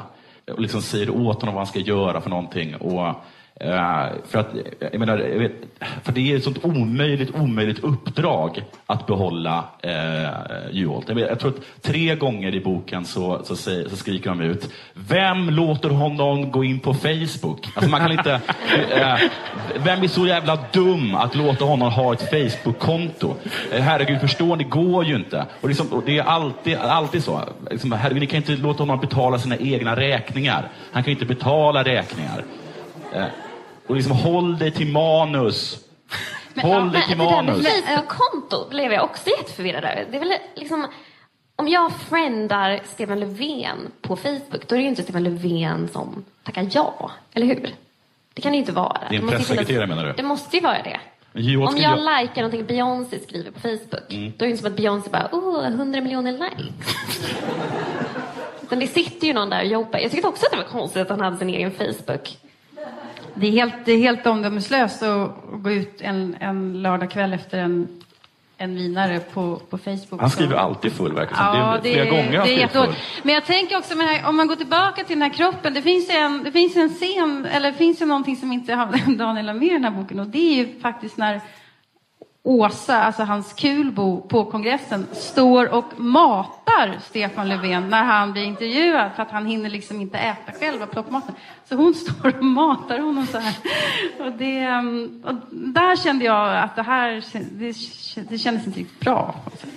Ja, men alltså, det finns ju ett citat här från Malin Ullgren på Dagens Nyheter hon skriver Juholts kropp har på något sätt inte, på något intimiserande vis dragit till sig den skrivande klassens negativa uppmärksamhet sedan dag ett. En borstig mustasch signalerar inte längre statsbärande manlig auktoritet utan ren och skär svennighet. Ett simpelt klassförakt för 2011. Det tyckte jag stämde. Ja, visst, absolut. Vi har en Jag tänker analys, vi- vi- Johannes. jag- jag Men tänker han, för- han skämdes över tjock. Han kunde liksom inte, han kunde inte bära upp tjock. Jag menar, Göran Persson kunde ju liksom bära tjock. Han frodades ju tjock. Men alltså, Tjock klädde honom. han Varför skulle ju dö fet. Han tjock? hade väl inga problem med det. Det är bara någon annan som har Alltså. Göran Persson hånade ju andra för att vara tjocka. Så självgod var han i sin tjockhet. Va, alltså, är, det, är det bara liksom att Juholt hade liksom inte den, den pondusen, eller det självförtroendet, eller, det, eller den... eh, Var det därför? Jag tror att den där kroppen skulle vara till en fördel ifall det var så att han hade, han hade partiet med sig. Då, då skulle den, den kroppen signalera att, att han är stor och stark och trygg. Men, men det är ju, det är ju, alltså man kan inte prata om Löfven utan att prata om klassföraktet. Juholt. Det är ju, ja, förlåt. ja, men, Hur tjock tycker du Löfven är? Ja, men, men även han drabbas ju nu av, av klassförakt. Man påstår att han inte kan prata engelska och sådär. Det är inte sant. Och massa andra saker. Jag hånade honom för hans dialekt. Det var jättedumt. Roligt. dumt. Jag skrev att han alltid, häromdagen skrev jag att han alltid säger citation, i den här situationen. Och sen så hörde jag honom på, på radion dagen därpå. Då försökte han säga någon situation. Jättedåligt Jag- gjort av mig. Skulle vilja ringa ett samtal. Är det okej? Ja, visst. Jag älskar att du bara tappade koncentrationen, Johannes. Ja, jag ska bara ringa en kompis. Ringer hem, står det. Eh, Göran? Ja men tjena Göran! Ja, men tjena, tjena. Vi har alltså Göran Greider med oss på länk. Eh, oj. Hallå? Göran? Ja? Jag tänkte så här, jag ska läsa hur du enligt Daniel Suhonens bok summerade det politiska läget eh, under Juholtskandalen. Eh, kan du vänta stund? Jag måste bara ta mig ut i, i tamburen här till eh, Hansa Lottas krog i Umeå för att kunna... Nu hör jag lite bättre. Ja, fortsätt. Fortsätt. Jo, du, du, du, du, sam, du sammanfattade ju det politiska läget så här. Det jag ser är en ny politisk elit tillsammans med, slash, en ny medial elit, slash, kämpa ner en gammal elit, slash, den borgerliga övermakten slukar en förborgerligad socialdemokrati. Kvar är alla orättvisorna. De som är de två. Nya eliterna intresserar sig för. Aldrig har så lite motstånd gjorts. Oj, vad dystert. Ja, jag skriver det där. Alltså, det kommer inte jag ens ihåg. Men eh, jag tar tillbaka det. Jag nej, ja, eh, ja, men det var säkert en bra sammanfattning för det där skrevs väl när Juholt, drivet mot Juholt var som värst där eh, under någon period. Ja. Eh, och, då, och då kände man ju verkligen att ehm, eh, socialdemokratin var maktlös, vanmäktig, dessutom svårt förborgerligad. Och så fanns det en enormt självförtroende dels hos eh, borgerligheten, alliansen, men också hos det här som vi numera kallar för mediokratin. Alltså. Eh, Eh, för det är verkligen någonting här som jag tycker analyseras lite konstant. Alltså hela det här som ofta handlar om det svenska politiska kommentariatet och dess makt. Eller frasproletariatet som vi också kallar det för ibland. Eh, som som har ganska stor makt. Och det som har inträffat, och det är ju fortfarande så, det, är ju att eh, den nya politiska elit som jag talade om i dikten här den gick ju, tycker jag, i väldigt hög grad i maskopi med det här mediala skiktet alltså som eh, finns på de stora redaktionerna. Eh, och det gjorde ju mig i det ögonblicket väldigt, deprimer väldigt deprimerad faktiskt. Men du, om du Ja. skulle dikta över dagens läge, Ja. vad, hur skulle du dikta då? Ja, då skulle jag skriva en lång, glad dikt. Där det finns mycket blommor, mycket djur. Du sysslar med förträngning alltså? Nej, inte alls. Utan jag tror ju på detta att vi nu måste hämta kraft ur det icke-politiska i viss mening. Vi måste eh, suga upp eh, kraft ur allt det som inte är politik och sen återvända in i politiken igen. Eh, jag tycker jag har gjort det de senaste veckorna ganska bra här ändå. För jag kände, jag kände ju det här när det här nyvalet proklamerades. Eller att det ska komma ett ny, utlysas nyval den 29. Jag kände mig väldigt glad över att detta inträffade. Jag kände mig full av framtidstro och en känsla av att man faktiskt kan börja om. Jag tror nämligen att alltså det har blivit ett egenvärde att våga hävda sin naivitet i viss mening. Eh, det är bara det som ger liksom horisonter som gör att vi kan tänka. Horisonter är aldrig cyniska, så skulle min korta dikt heta. Det skulle bara vara så. Horisonter är aldrig cyniska, utan de är alltid hoppfulla. Och det där, man måste hämta energi till de där horisonterna från eh, politisk historia, från social historia, från det vilda. Eh, minsta lilla groda kan bidra här faktiskt. Eh, minsta lilla dagmask kan göra nytta för att hämta energi till att skapa de där horisonterna omkring sig som vi så väl behöver nu när nyval stundar. Eh, jag, har druckit, jag har druckit lite så det kanske låter lite konstigt här men... Göran? ja? Jag, jag tänker så här, vi, vi måste skynda på för vi, vi, det är en så jävla lång bok så det är fruktansvärt mycket kvar. Men du, jag tänkte Okej. höra, är det någon du vill hälsa till? Jag hälsar till eh, faktiskt alla som finns där. Nu vet inte jag hur många ni är, vilka ni är, men jag litar på er som sitter där. Jag tror att ni utgör den kritiska massa som kommer att göra nästa vecka mycket bättre än vad den skulle varit utan er. Strålande. Ja. Tack så mycket Göran. Ja, ha det Tack så fortsatt jättekul på Halta Lottas i Umeå. ja, det är bra. Hej med Ja. dig. Ha det gott. Hej. Hej. Ha det bra, hej.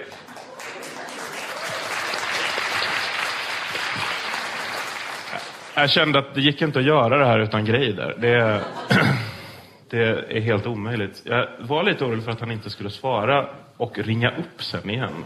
Eh, Det hade nog inte riktigt funkat. Det kanske han gör. Jag, jag satte inte på flight mode nu, så nu kan det vara vad som helst hända. Idag finns en artikel i Svenska Dagbladet där Tidens chefredaktör säger att Stockholms läns partidistrikt jobbar för att avsätta partiordförande. Det går inte, nästan skrek Damberg. Jag kommer från ett distrikt där det här valet av partiordförande inte var självklart. Nu är folk uppgivna. De säger att vi inte kommer vinna valet 2014, säger han. Vi backar dock upp Håkan. Vi har sagt att vi har förtroende för honom. Distriktsstyrelsens möte kvällen innan hade kommit fram till att de måste ha is i magen, måste avvakta mediestormen. Då vill jag inte läsa sånt här. Damberg höll tidningen i sin hand. Jag förväntar mig någon slags konsekvens. För vi kan inte, så här kan vi inte hålla på. Han visste att han själv haft enskilda medlemmar i sitt partidistrikt som haft konken-ryggsäcken på sig under veckan.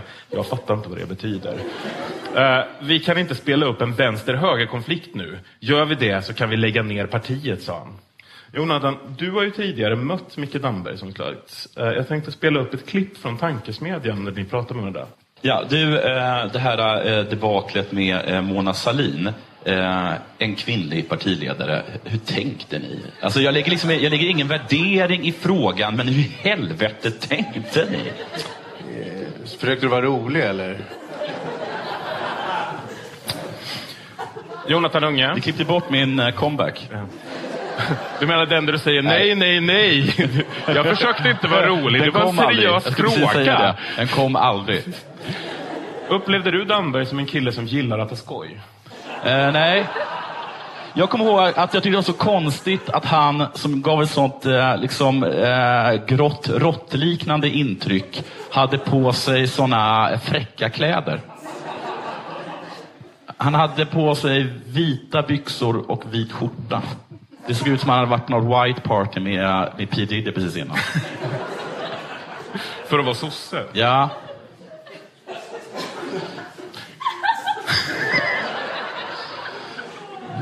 Men precis, men det är väldigt lätt att äh, argumentera mot mig. Man behöver bara säga, skämtar du? Eller, jag, jag, jag är alltid svaret skyldig.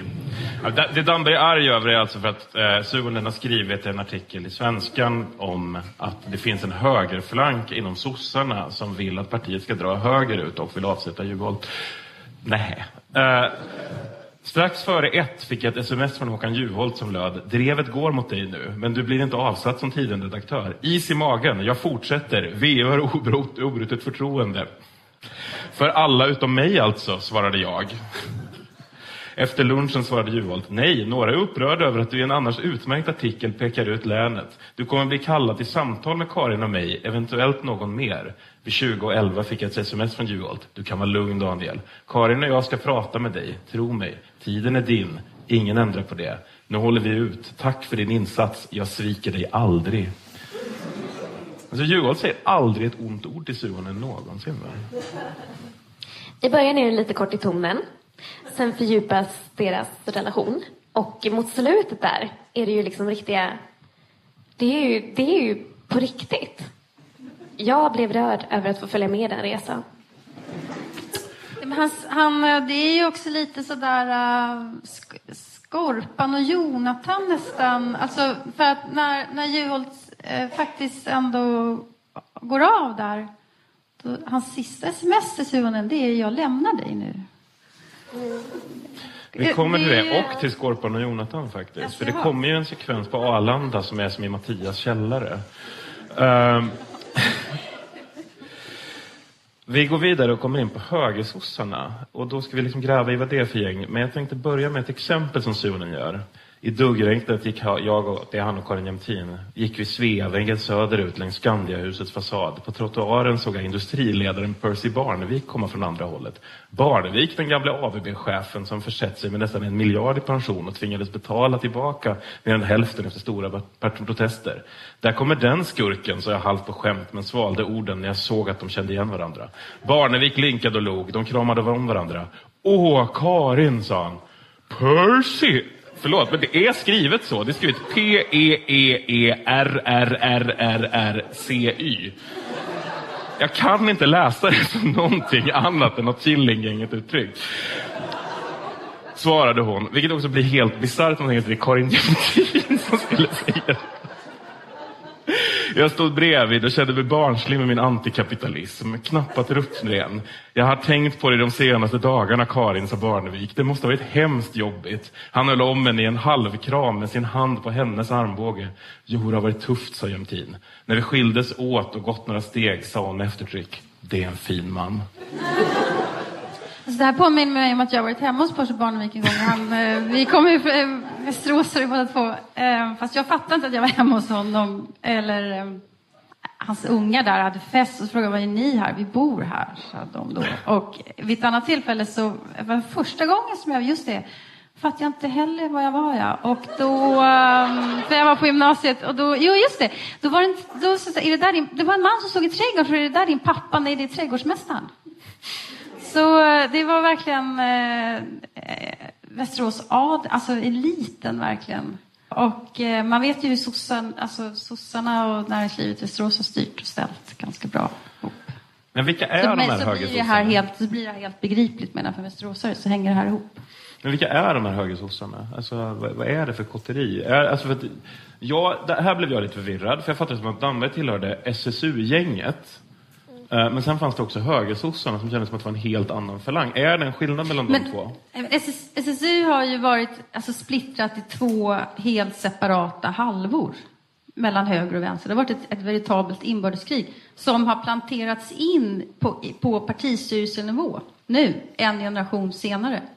Och SSUs, alltså SSU, hö, SSUs höger, eh, vissa av dem, alltså det finns, hans, det var ju någon lokalavdelning som faktiskt har sponsrat av näringslivet eh, för att ha så roliga grejer som möjligt, så att så många medlemmar som möjligt skulle bli, alltså skulle, alltså, de skulle få så många medlemmar som möjligt, de skulle få så många kongressombud som möjligt, så skulle de kunna slå vänstern på, på SSU-kongressen. Alltså, då, motsättningarna var helt djävulska.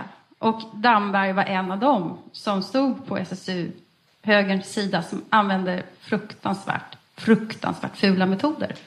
Och eh, Göran Persson har ju själv sagt att den här motsättningen som nu liksom har vuxit upp i, in, åldras in i partiet, att den är helt förödande.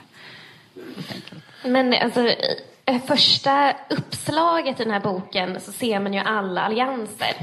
Eh, jag tycker att det finns en, eller nästan fantasy-anspråk i det här upplägget. Ni kan se, har han eh, liksom Thrones, sammanlänkat ja, eh, alla klaner. Då kan man ju säga att Damberg, eller House Damberg, eh, kanske ska likna då The Lannisters i anspråk. Och där så ser man ju att det är flera SSU-personer.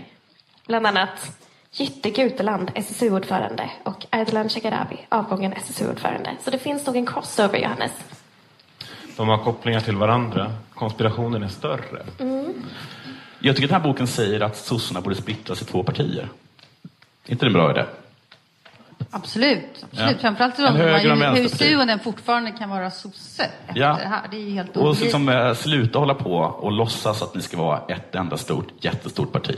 Det stora partiet. Alltså det blir på sätt, han nämnde ju flera gånger liksom, när de är i, var är någonstans? Det är I Nack, någon vik. Och där liksom finns Unga Örnar och eh, vad heter det, Hyresgästföreningen. Och alla är där och, liksom och målar varandras ansikten och har, har lotteri och sådana saker. Det är, det är längtan tillbaka till det där där det bara fanns någonting jättestort där alla var i. Ett enda parti. Men det var ju på den tiden det var en folkrörelse, det är det inte längre. Men Det vad man är ska inte det komma, längre. Nej, men vad man måste komma, inte, nej. Men vad man ska komma ihåg det är att det hade kunnat bli Damberg som var partiordförande. Och då, då tror jag inte vi hade haft den här diskussionen om ny fascism till exempel. Vi ska komma till ett lite fint ögonblick nu bara. Efter en kvart kom Juholt, det här på Arlanda. Han hade fått, gärna fått dröja. Det kändes som det första gången på flera månader jag slötittade på TV. En Säpo-kille tittade in i rummet. Att det bara var jag där. Att inte rummet var en fälla. Juholt klev in. Han såg oerhört trött ut. Kom direkt från möten i Värmland på väg till mangling med gruppstyrelsen i Kiruna. Där a-kassebråket skulle hanteras. Ja, så här ligger du och latar dig, sa han med rösten varm och skojfrisk. Han ställde ner väskan på golvet bredvid sig. Varsamt tände han upp rocken och lossade slipsen, som man rör sig när man vet att man är betraktad. Kanske en kompensation, tänkte jag, för verken i höften, problemen med foten, en förfining som växt ovanpå brist på förfining. Daniel, Daniel, sa han och kramade om mig. Jag sa ingenting, men blev berörd av honom. Hans närvaro upptryckt som jag stod mot hans axel. Så mycket av min energi som riktats mot honom de senaste månaderna utan vi setts. Så många sms, så få möten. Han var en medial person även för mig. Jag berättade hur jag känt och vad jag gjort. Han hade noterat det mesta. Du var min enda krigare, sa han. Och jag kände, genom, kände kylan genom väggarna trots fruktskålar med tvättade blå druvor och välkylt mineralvatten. Detta var hans krig och mitt. Alltså, nej, nu måste jag vila lite, sa han och slog händerna lätt i bordsskivan. Alltså, det här är ändå väldigt fint. Tycker du det? Jag tycker att det är jättesorgligt bara. Det blir väldigt många sms, inte så många möten. Ta en hint, sonen. Och liksom... Dessutom förstår inte jag varför man överhuvudtaget bryr sig om vad Juholt säger, för han säger ju så mycket. Och ofta så motsäger han sig själv under tiden han pratar. Alltså det är liksom att alla gick igång bara på en härlig, tokig galning. Alltså det är lite som att Göran Greider kanske skulle... Det är ju härligt liksom. Du kan inte låta Göran Greider leda Sveriges största parti. Och då skulle jag rösta på sossarna faktiskt. Gör det? Ja, jag skulle- Bara för att det är härligt. Nej, men Eller det- hur? det ska för att det vore lite härligt.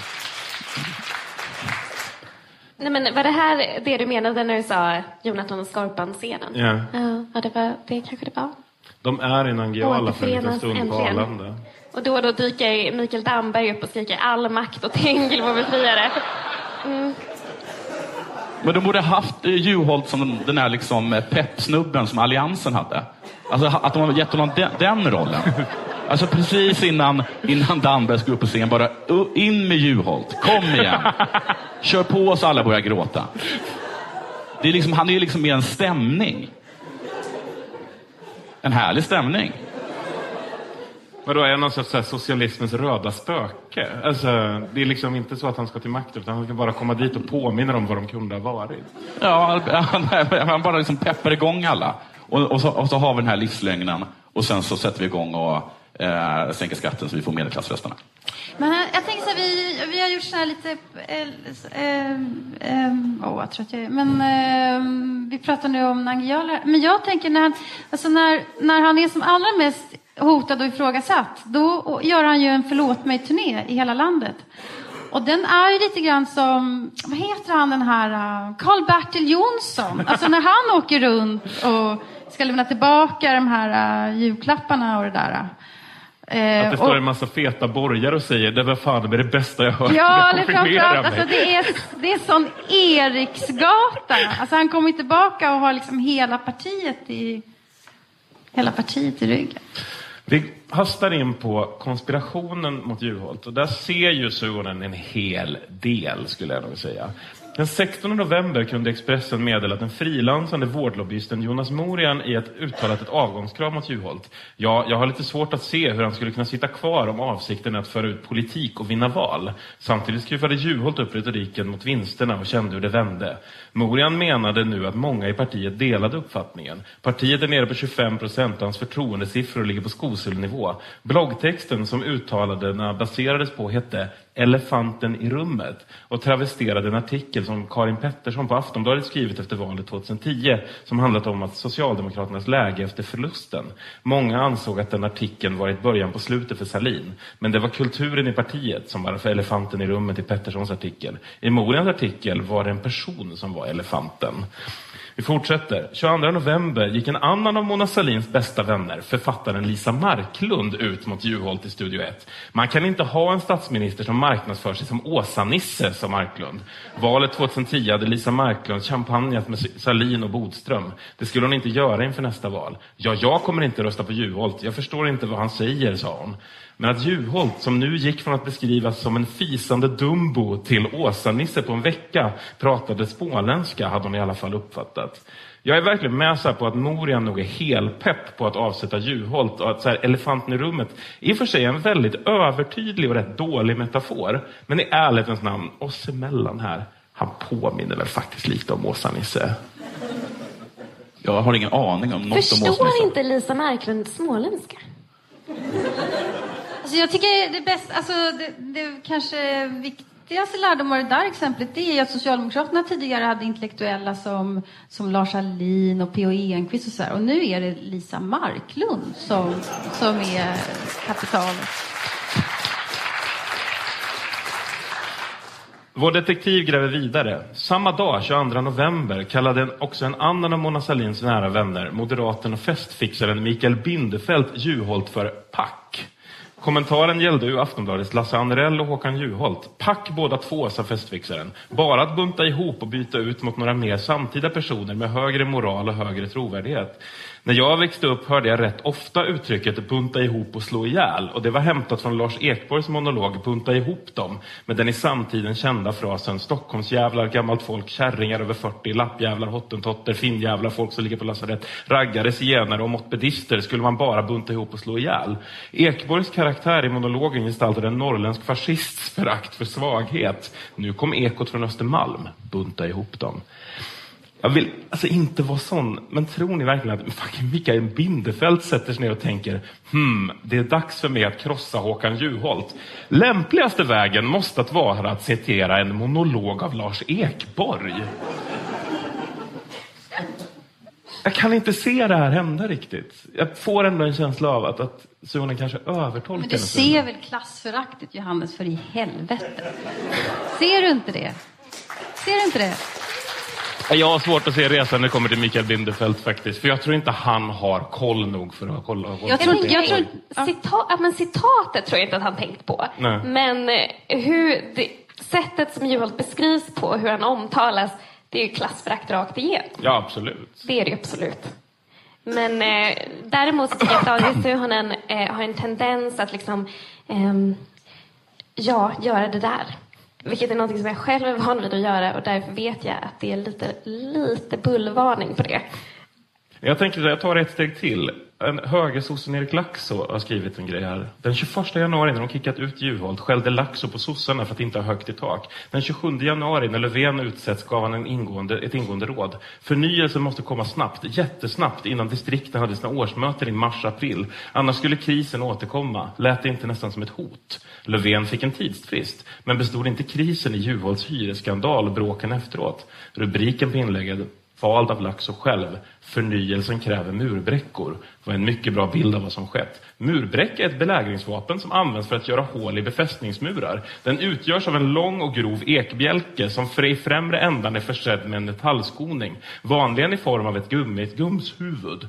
Bjälken är upphängd i starka kedjor som förs fram till muren. Där försätts murbräckan i ett svängande rörelse fram och tillbaka, varigenom den oupphörligen stöts mot muren tills ett hål bildas. Det är genom detta hål de anfallande kan tränga in i fästningen. Några ville komma innanför murarna på socialdemokratin. Det var uppenbart. Frågan var väl mest vilka på insidan som ville ha hjälp.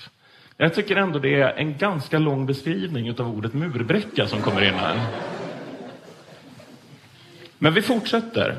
Konspiration kommer av latinets conspirare, andas tillsammans och syftar på ett hemligt samarbete mellan en grupp individer med ett dunkelt, olagligt eller illasinnat syfte. Den mest kända konspirationen är kanske den mot Caesar, när en grupp senatorer med republikanen Brutus i spetsen knivmördade Caesar med 23 knivhugg. Juholts kodnamn hos Säpo var enligt uppgift Caesar 10.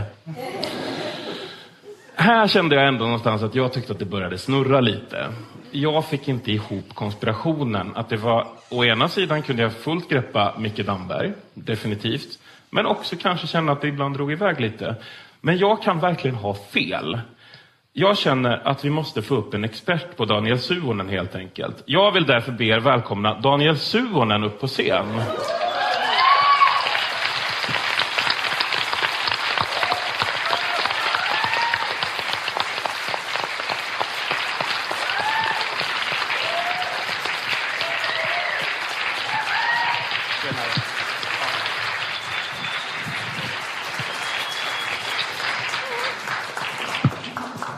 Du kan få en liksvepning här.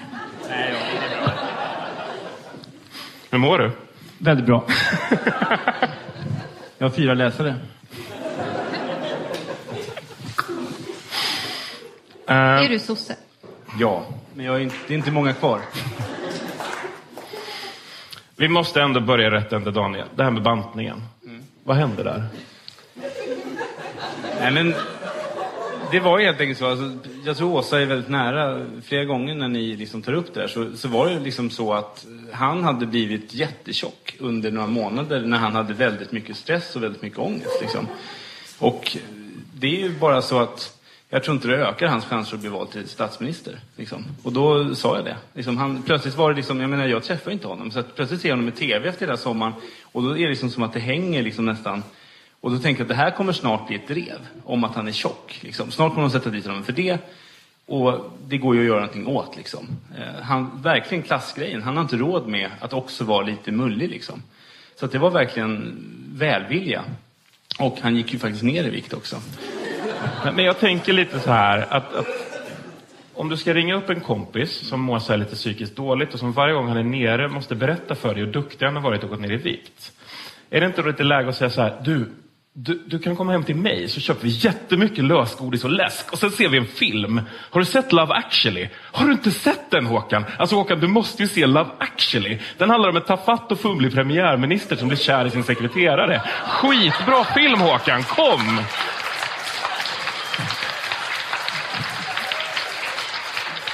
det roligaste är att dagen efter att Håkan har avgått eh, så, så frågar jag honom hur han mår då på sms som vanligt.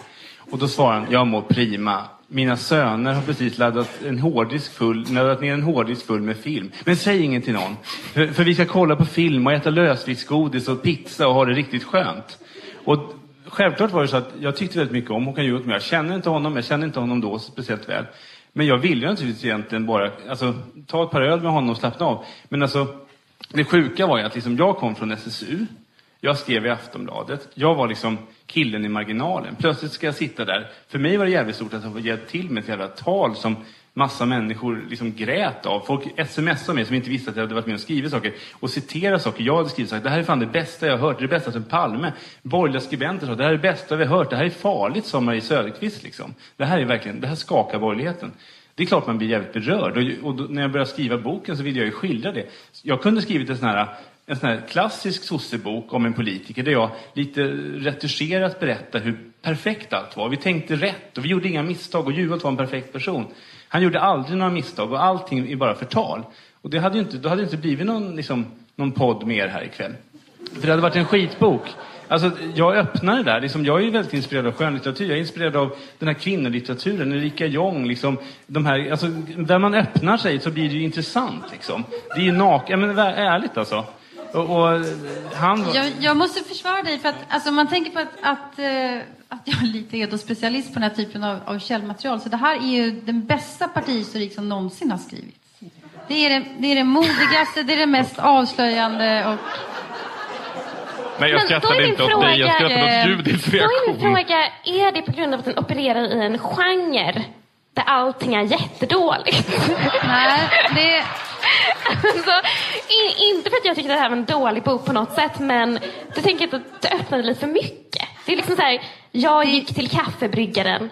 Jag Nej, men- men- drack kaffe. Nej men Edith, alltså det är så här att Judith. även, även, Judith, förlåt, eh, även vad heter det, identitet, även arbetarklass. Gjorde du en Joholt precis? Jag gjorde en Joholt, nej faktiskt helt omedvetet. Jag är lite stressad jag också. Eh, det är inte bara liksom, men så här, även arbetarklasskille är ju en identitetsgrej. Liksom. Det är ju också en identitetspolitisk grej.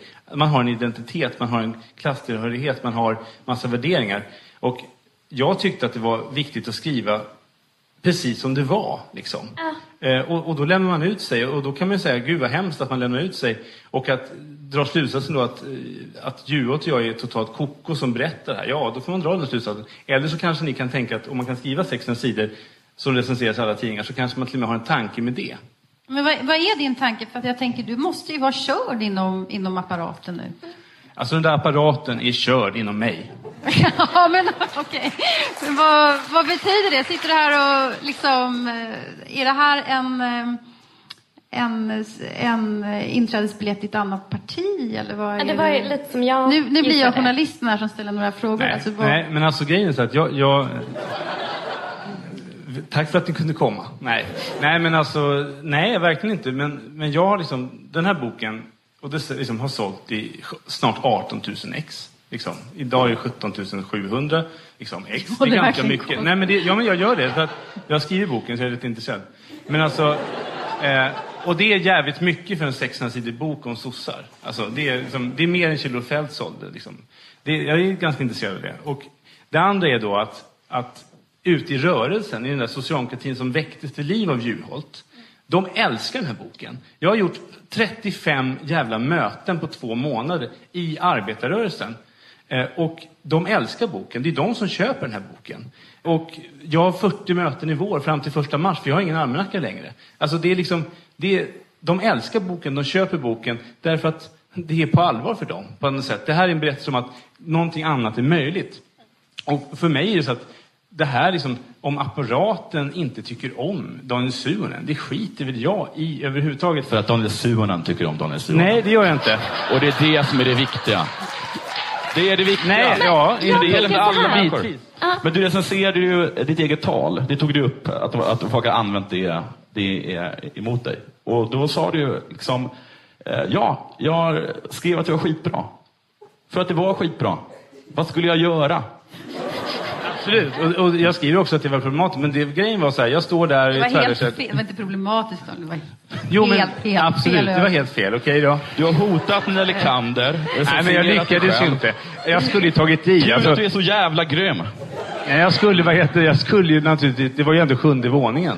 Men alltså jag tänker så här. Jag, jag är ju inte bara identitetspolitiskt engagerad utan jag är också socialist. Och jag har ett intresse för vänsterpolitik. Eh, och där boken brände till mest, det var ju när du pratade om den här hopplösheten du kände inför eh, maktkamperna inom Socialdemokraterna och det faktum att det verkade omöjligt att vara sosse. Liksom. Det var ju där det brände till. Det, är ju, det, jag, det jag ifrågasatte var kanske detaljrikheten. Alltså det är ju en väldigt lång bok. Men den har ju litterära kvaliteter som, som, eh, som är jättefina, tycker jag. Eh, Ja, men och just det då- här med kaff, Ja, men ibland så undrar man ju... Förstår du hur många kaffekoppar jag skurit bort? Ja, men, men ibland, ibland Jag undrar man ju... materialet. Ett helt magsår som liksom har reducerats bort. Man, man undrar vad som blir skönlitteratur och vad som blir fakta ibland. För att du, du beskriver hur, hur Juholt ligger på, på det havsblå Eh, eh, överkastet till exempel. Och sen så några sidor senare får man veta att du har aldrig varit hemma hos honom. Men du vet ändå att det ser ut så där och då tänker jag liksom, du tar enorma frihet som du tror att läsaren ska gå på. Fast faktum är att allting, varje rums, alltså varje rums eh, specificering, varje liksom citat som är riktiga citat, varje liksom, det är en blå kaffekopp liksom. Han brygger kaffe på det sättet, han klappar henne på kinden, han gör det eller hon gör det eller han säger det. Det har ju grund för. Det är ju dokumenterat, det finns det dokument bakom.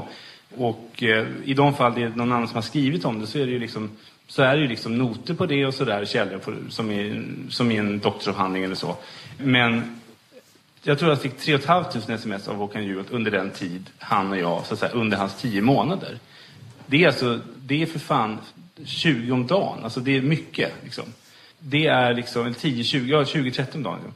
Sen är det alltså att jag har liksom gjort, jag har kanske 10 000 sms till. Jag har alltså frågat honom om saker. Var satt du när det här mötet var? Vad gjorde du då? Det är väldigt många andra som har skildrat det här. Det är liksom, jag intervjuar så jävla mycket folk.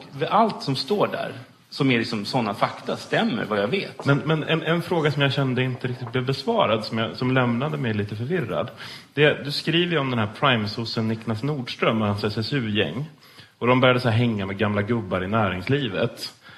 Och då skriver du så här. Westberg erbjöd Niklas Nordströms kompisgäng möten i näringslivets finrum med rollspel där unga SSU-are fick möjlighet att leka företagsledare och PR-konsulter. Jag lämnades helt så här, hur gick de här rollspelen till egentligen? Började det liksom med att den här Westberg sa, ni sitter på ett värdshus, ni äger det. Nej, men jag tror faktiskt att de här SSU-arna fick leka kapitalister. Och att näringslivet betalar det. Och, och jag menar, det här är ju så att i politiken finns ju inte lagar över i stort sett någonting. Det är inte förbjudet för en sosse att vara nyliberal eller nazist. Liksom. Men däremot kanske i vanliga fall så, så borde ju vissa andra sossar tycka att det är problematiskt om de andra jobbar för den andra sidan. Och det är väl det jag lyfter fram i den här boken. Att jag tycker att det är ett problem att en stor del av sossarnas ledning har liksom, är anställda av, eller har varit anställda av, eller vill bli anställda av, och är avlönade av, och är kompisar med lobbyister som är betalda av näringslivet och som för en viss agenda. Liksom. Fast du har fortfarande Men det- inte förklarat min svar på min fråga. Slog de T20? Jag tror inte alltså, det, det, det här är viktiga grejer. Det är nästa bok. Men, men vad... Ja, det kan... Men, men, alltså, men vad jag ändå tänker... Många är ju avlönade och många har ju också blivit kapitalister genom att, att liksom gå in i sådana här riskkapitalbolag och äga trots att de är sossar och sådär.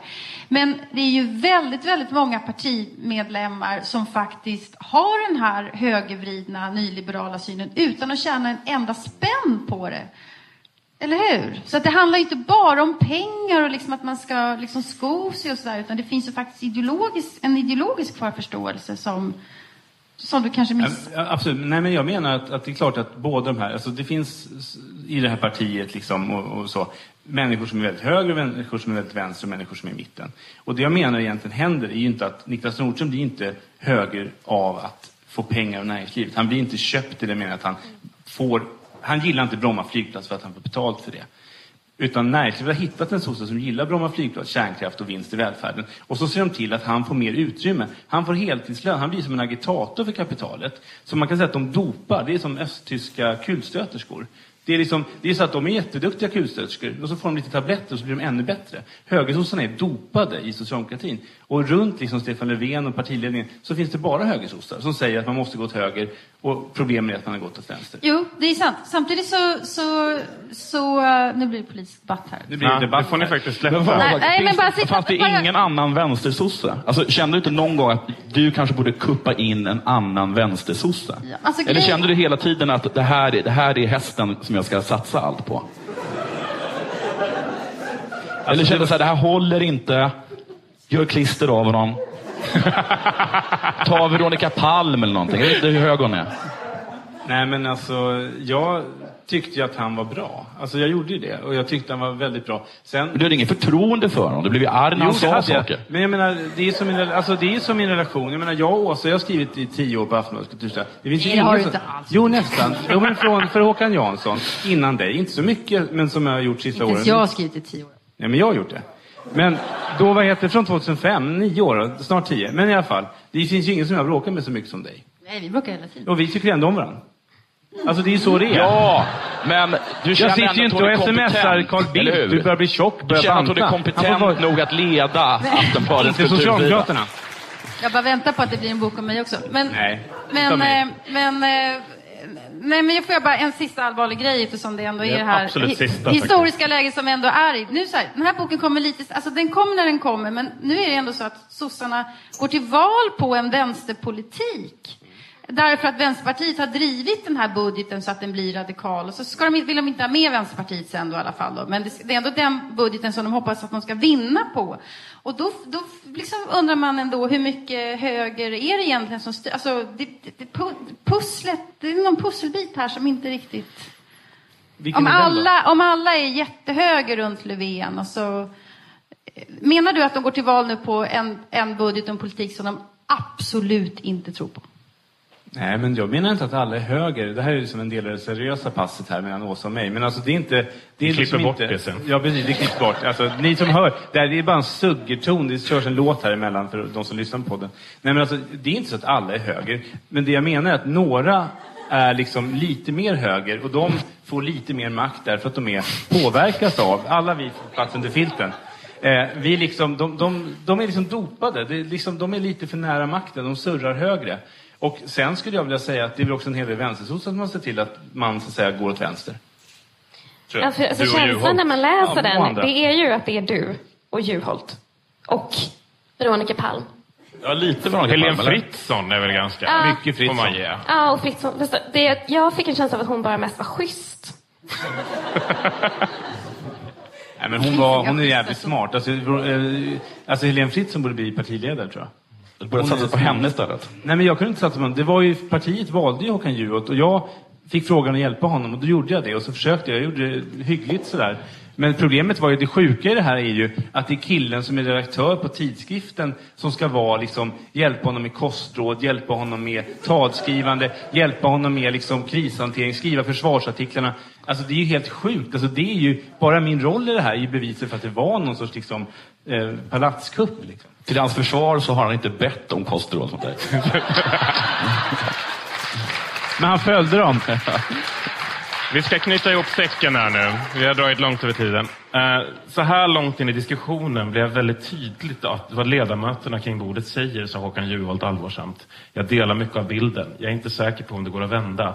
Vi har gått med i det här partiet. Flera av oss har kommit via SSU. Vi har haft våra kärlekar, våra bråk, våra jobb, våra förtroenden och våra största upplevelser i det här fantastiska partiet, sa han och såg på dem. Vemodet bubblade upp långt nerifrån. Han höll tillbaka det. Han såg ansikten framför sig. Randiga madrasser på Bommersvik, röda stormdukar. Han mindes hur han gått över Ölandsbron med en fana, hur vinden slitit i tyget.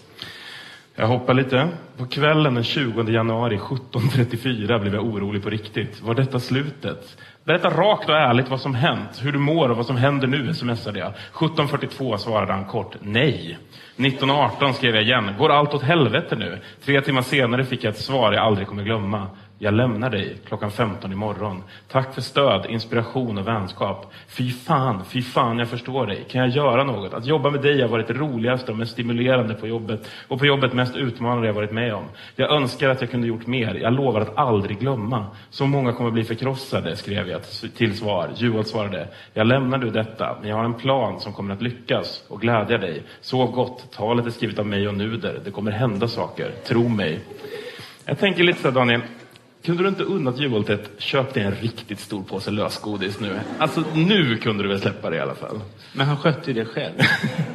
alltså, och dessutom var det väl snarare så att det jag skurit bort är ju snarare whiskyna han tog. Så att säga. Det har jag skurit bort i boken. Därför att jag faktiskt liksom vill inte skriva de gånger han skrev att nu tar jag mig en redig stänkare och glömmer allt.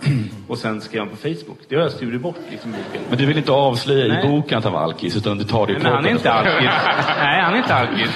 Men han, eh, han gör väl som väldigt många andra människor. Om, man, om ni hade blivit utsatta för den här skiten som han blev utsatt för så hade man ju Många hade ju smält av liksom, på vägen. Han, han tog en redig liksom, whisky, det tror jag rätt många gör om de är utsatta för eh, en grej. Det var ju därför jag skrev det där. Det var, ja, precis, tänker jag också. Nej, men det var ju därför jag skrev det här. Var mild mot det, för fan. Liksom, drick inte. Och det är liksom när han då var utsatt för den här pressen, därför att det är jävligt lätt att det går fel då. Liksom. Det vet ju alla. När, liksom, när man har stor stress och ångest. Fan vad roligt det blev liksom, när vi började prata om Du fick komma upp på Jag fick komma upp på scenen. scenen. Nej men det var mycket roligare när ni liksom skötte. Ni får vara liksom taskiga här. Vi avslutar, det här är sista citatet jag läser. Ska vi börja vara taskiga mot Jag tycker, du jag tycker inte att vi har varit taskiga. Jag tycker det, det har rått eh, en, eh, en humorfylld, lite gosig stämning. Lustfylld stämning. Ja, nu framförallt när ni ligger under en filt. Ja, nu ligger vi under en filt med boken här. Det finns en bild av detta besked, eller snarare eftersvallet. Bilden är tagen av Anneli Hultén i det socialdemokratiska riksdagskansliet på onsdagsmorgonen klockan 10.55 den 25 januari 2012. Bilden skildrar i stort denna rörelse till Löfven på ett korrekt sätt. Men det finns en underlighet i bildtexten, där den återges av Händel och Olsson. Bilden sägs skildra minuten efter Löfvens nej-besked och ett förtvivlat verkställande utskott. Där sitter Löfven med bysten av Per Albin Hansson bakom mig. Där sitter Eneroth, Damberg och Hultqvist. Enligt beskrivningen av denna bild ska de känna paniken växa. Men vi tittar vi på bilden är det bara två av dem som är förtvivlade. Löfven ser skamsen ut, blundar och försöker gömma sig. Bredvid honom Eneroth som ser paralyserad ut, ledsen. Ska det bli han själv nu, kanske han tänker. Hultqvist skriver ett sms och ser närmast förgrymmad ut. Men Damberg, Damberg han ler. Ska det bli han? Men det skulle det inte. Försökte du vara rolig eller? För att avsluta det här nu då. Vem ska läsa den här boken, Jonathan? Ja, alltså det är nästan inte för eh, sexet, för det är det inget i. Den som ska läsa den, jag tycker att det var en bra, intressant bok. Alla som är intresserade av eh, politik och eh, bla bla bla. Whatever. Köp boken. Den, såljer, den säljer tydligen skitbra. Judith? Vad sa du? Ja. Skadeglada vänsterpartister. Känner jag. Och eh, min mamma. Nej. Eh, sosse. Och, eh, och eh, så känner jag kanske att Mikael Damberg borde läsa den här boken och tänka till lite. Daniel, du, men du får bara säga det i ett ord. Fler. Åsa? Ja, Jag ska bara snabbt säga att det är väldigt lätt att göra sig lustig över, över vissa pa- partier i den här boken, men den är, det är faktiskt en väldigt, väldigt bra bok. Den är, är otäck, är den. Jätteotäck faktiskt. Därför att man förstår hur Sverige funkar och det här partiet. Det är en, Mona en av de mest otäcka böcker jag har läst. Mona Sahlin ska läsa den och känna sig som en jävla vinnare. Sista frågan. Vad har ni lärt er av att läsa den här boken? Att sossarna är maktgalna. Och att de måste släppa sin makt och splittras. Ja, säger jag och tittar på Jonathan. Det tycker jag inte alls. Ja, skitsamma. Nästa. Eh, jag har lärt mig att... ehm, jag har lärt mig jättemycket faktiskt. Seriöst har jag lärt mig jättemycket om interna maktkamper i Socialdemokraterna. Eh, bland annat genom hjälpsamma eh, teckningar och tidslinjer. Eh, sen så har jag lärt mig... alltså, jag, jag tycker faktiskt att Håkan Juholt eh, verkade rätt eh, trevlig. Typ att jag, alltså, liksom han känns som en av de få partipolitiker jag skulle vilja sitta och titta på Love actually med. Jag tycker också om Juholt. Jag har i alla fall lärt mig att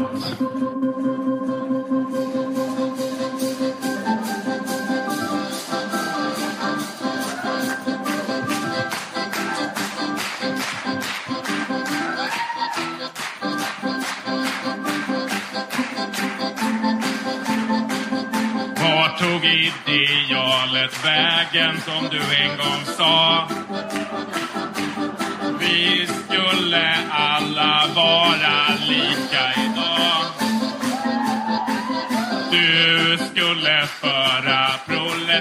off the top.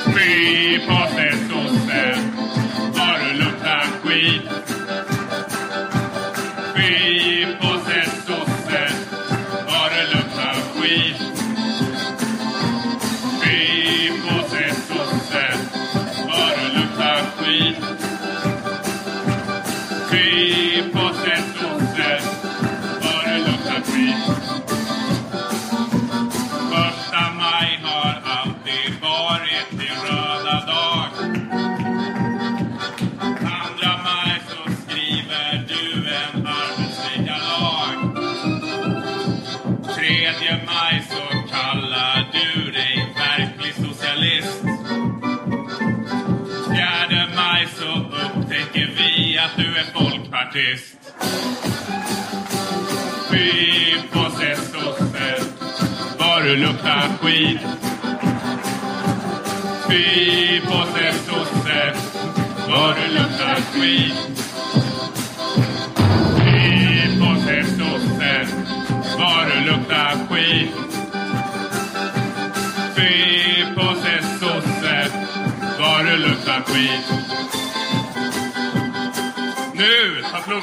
Ett uppehåll, men vi är snart, senast i början på februari. Jag ska försöka läsa fler böcker som jag faktiskt vill läsa under tiden.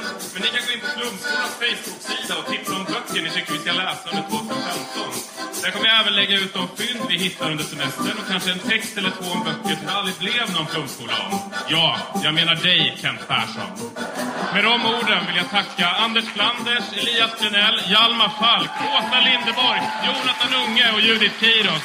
Och ett extra jättetack till Daniel Suonen för att du har varit en good sport. Låt mig gå igenom en bok på det här viset. Boken finns att köpa här utanför strax och Daniel signerar jätte, jättegärna. Och ett jättetack till er i publiken. Flumskolan är faktiskt helt slut för i år! Fy på sig sosse, vad du luktar skit. Fy på sig sosse, vad du luktar skit. Fy på sig sosse, vad du luktar skit.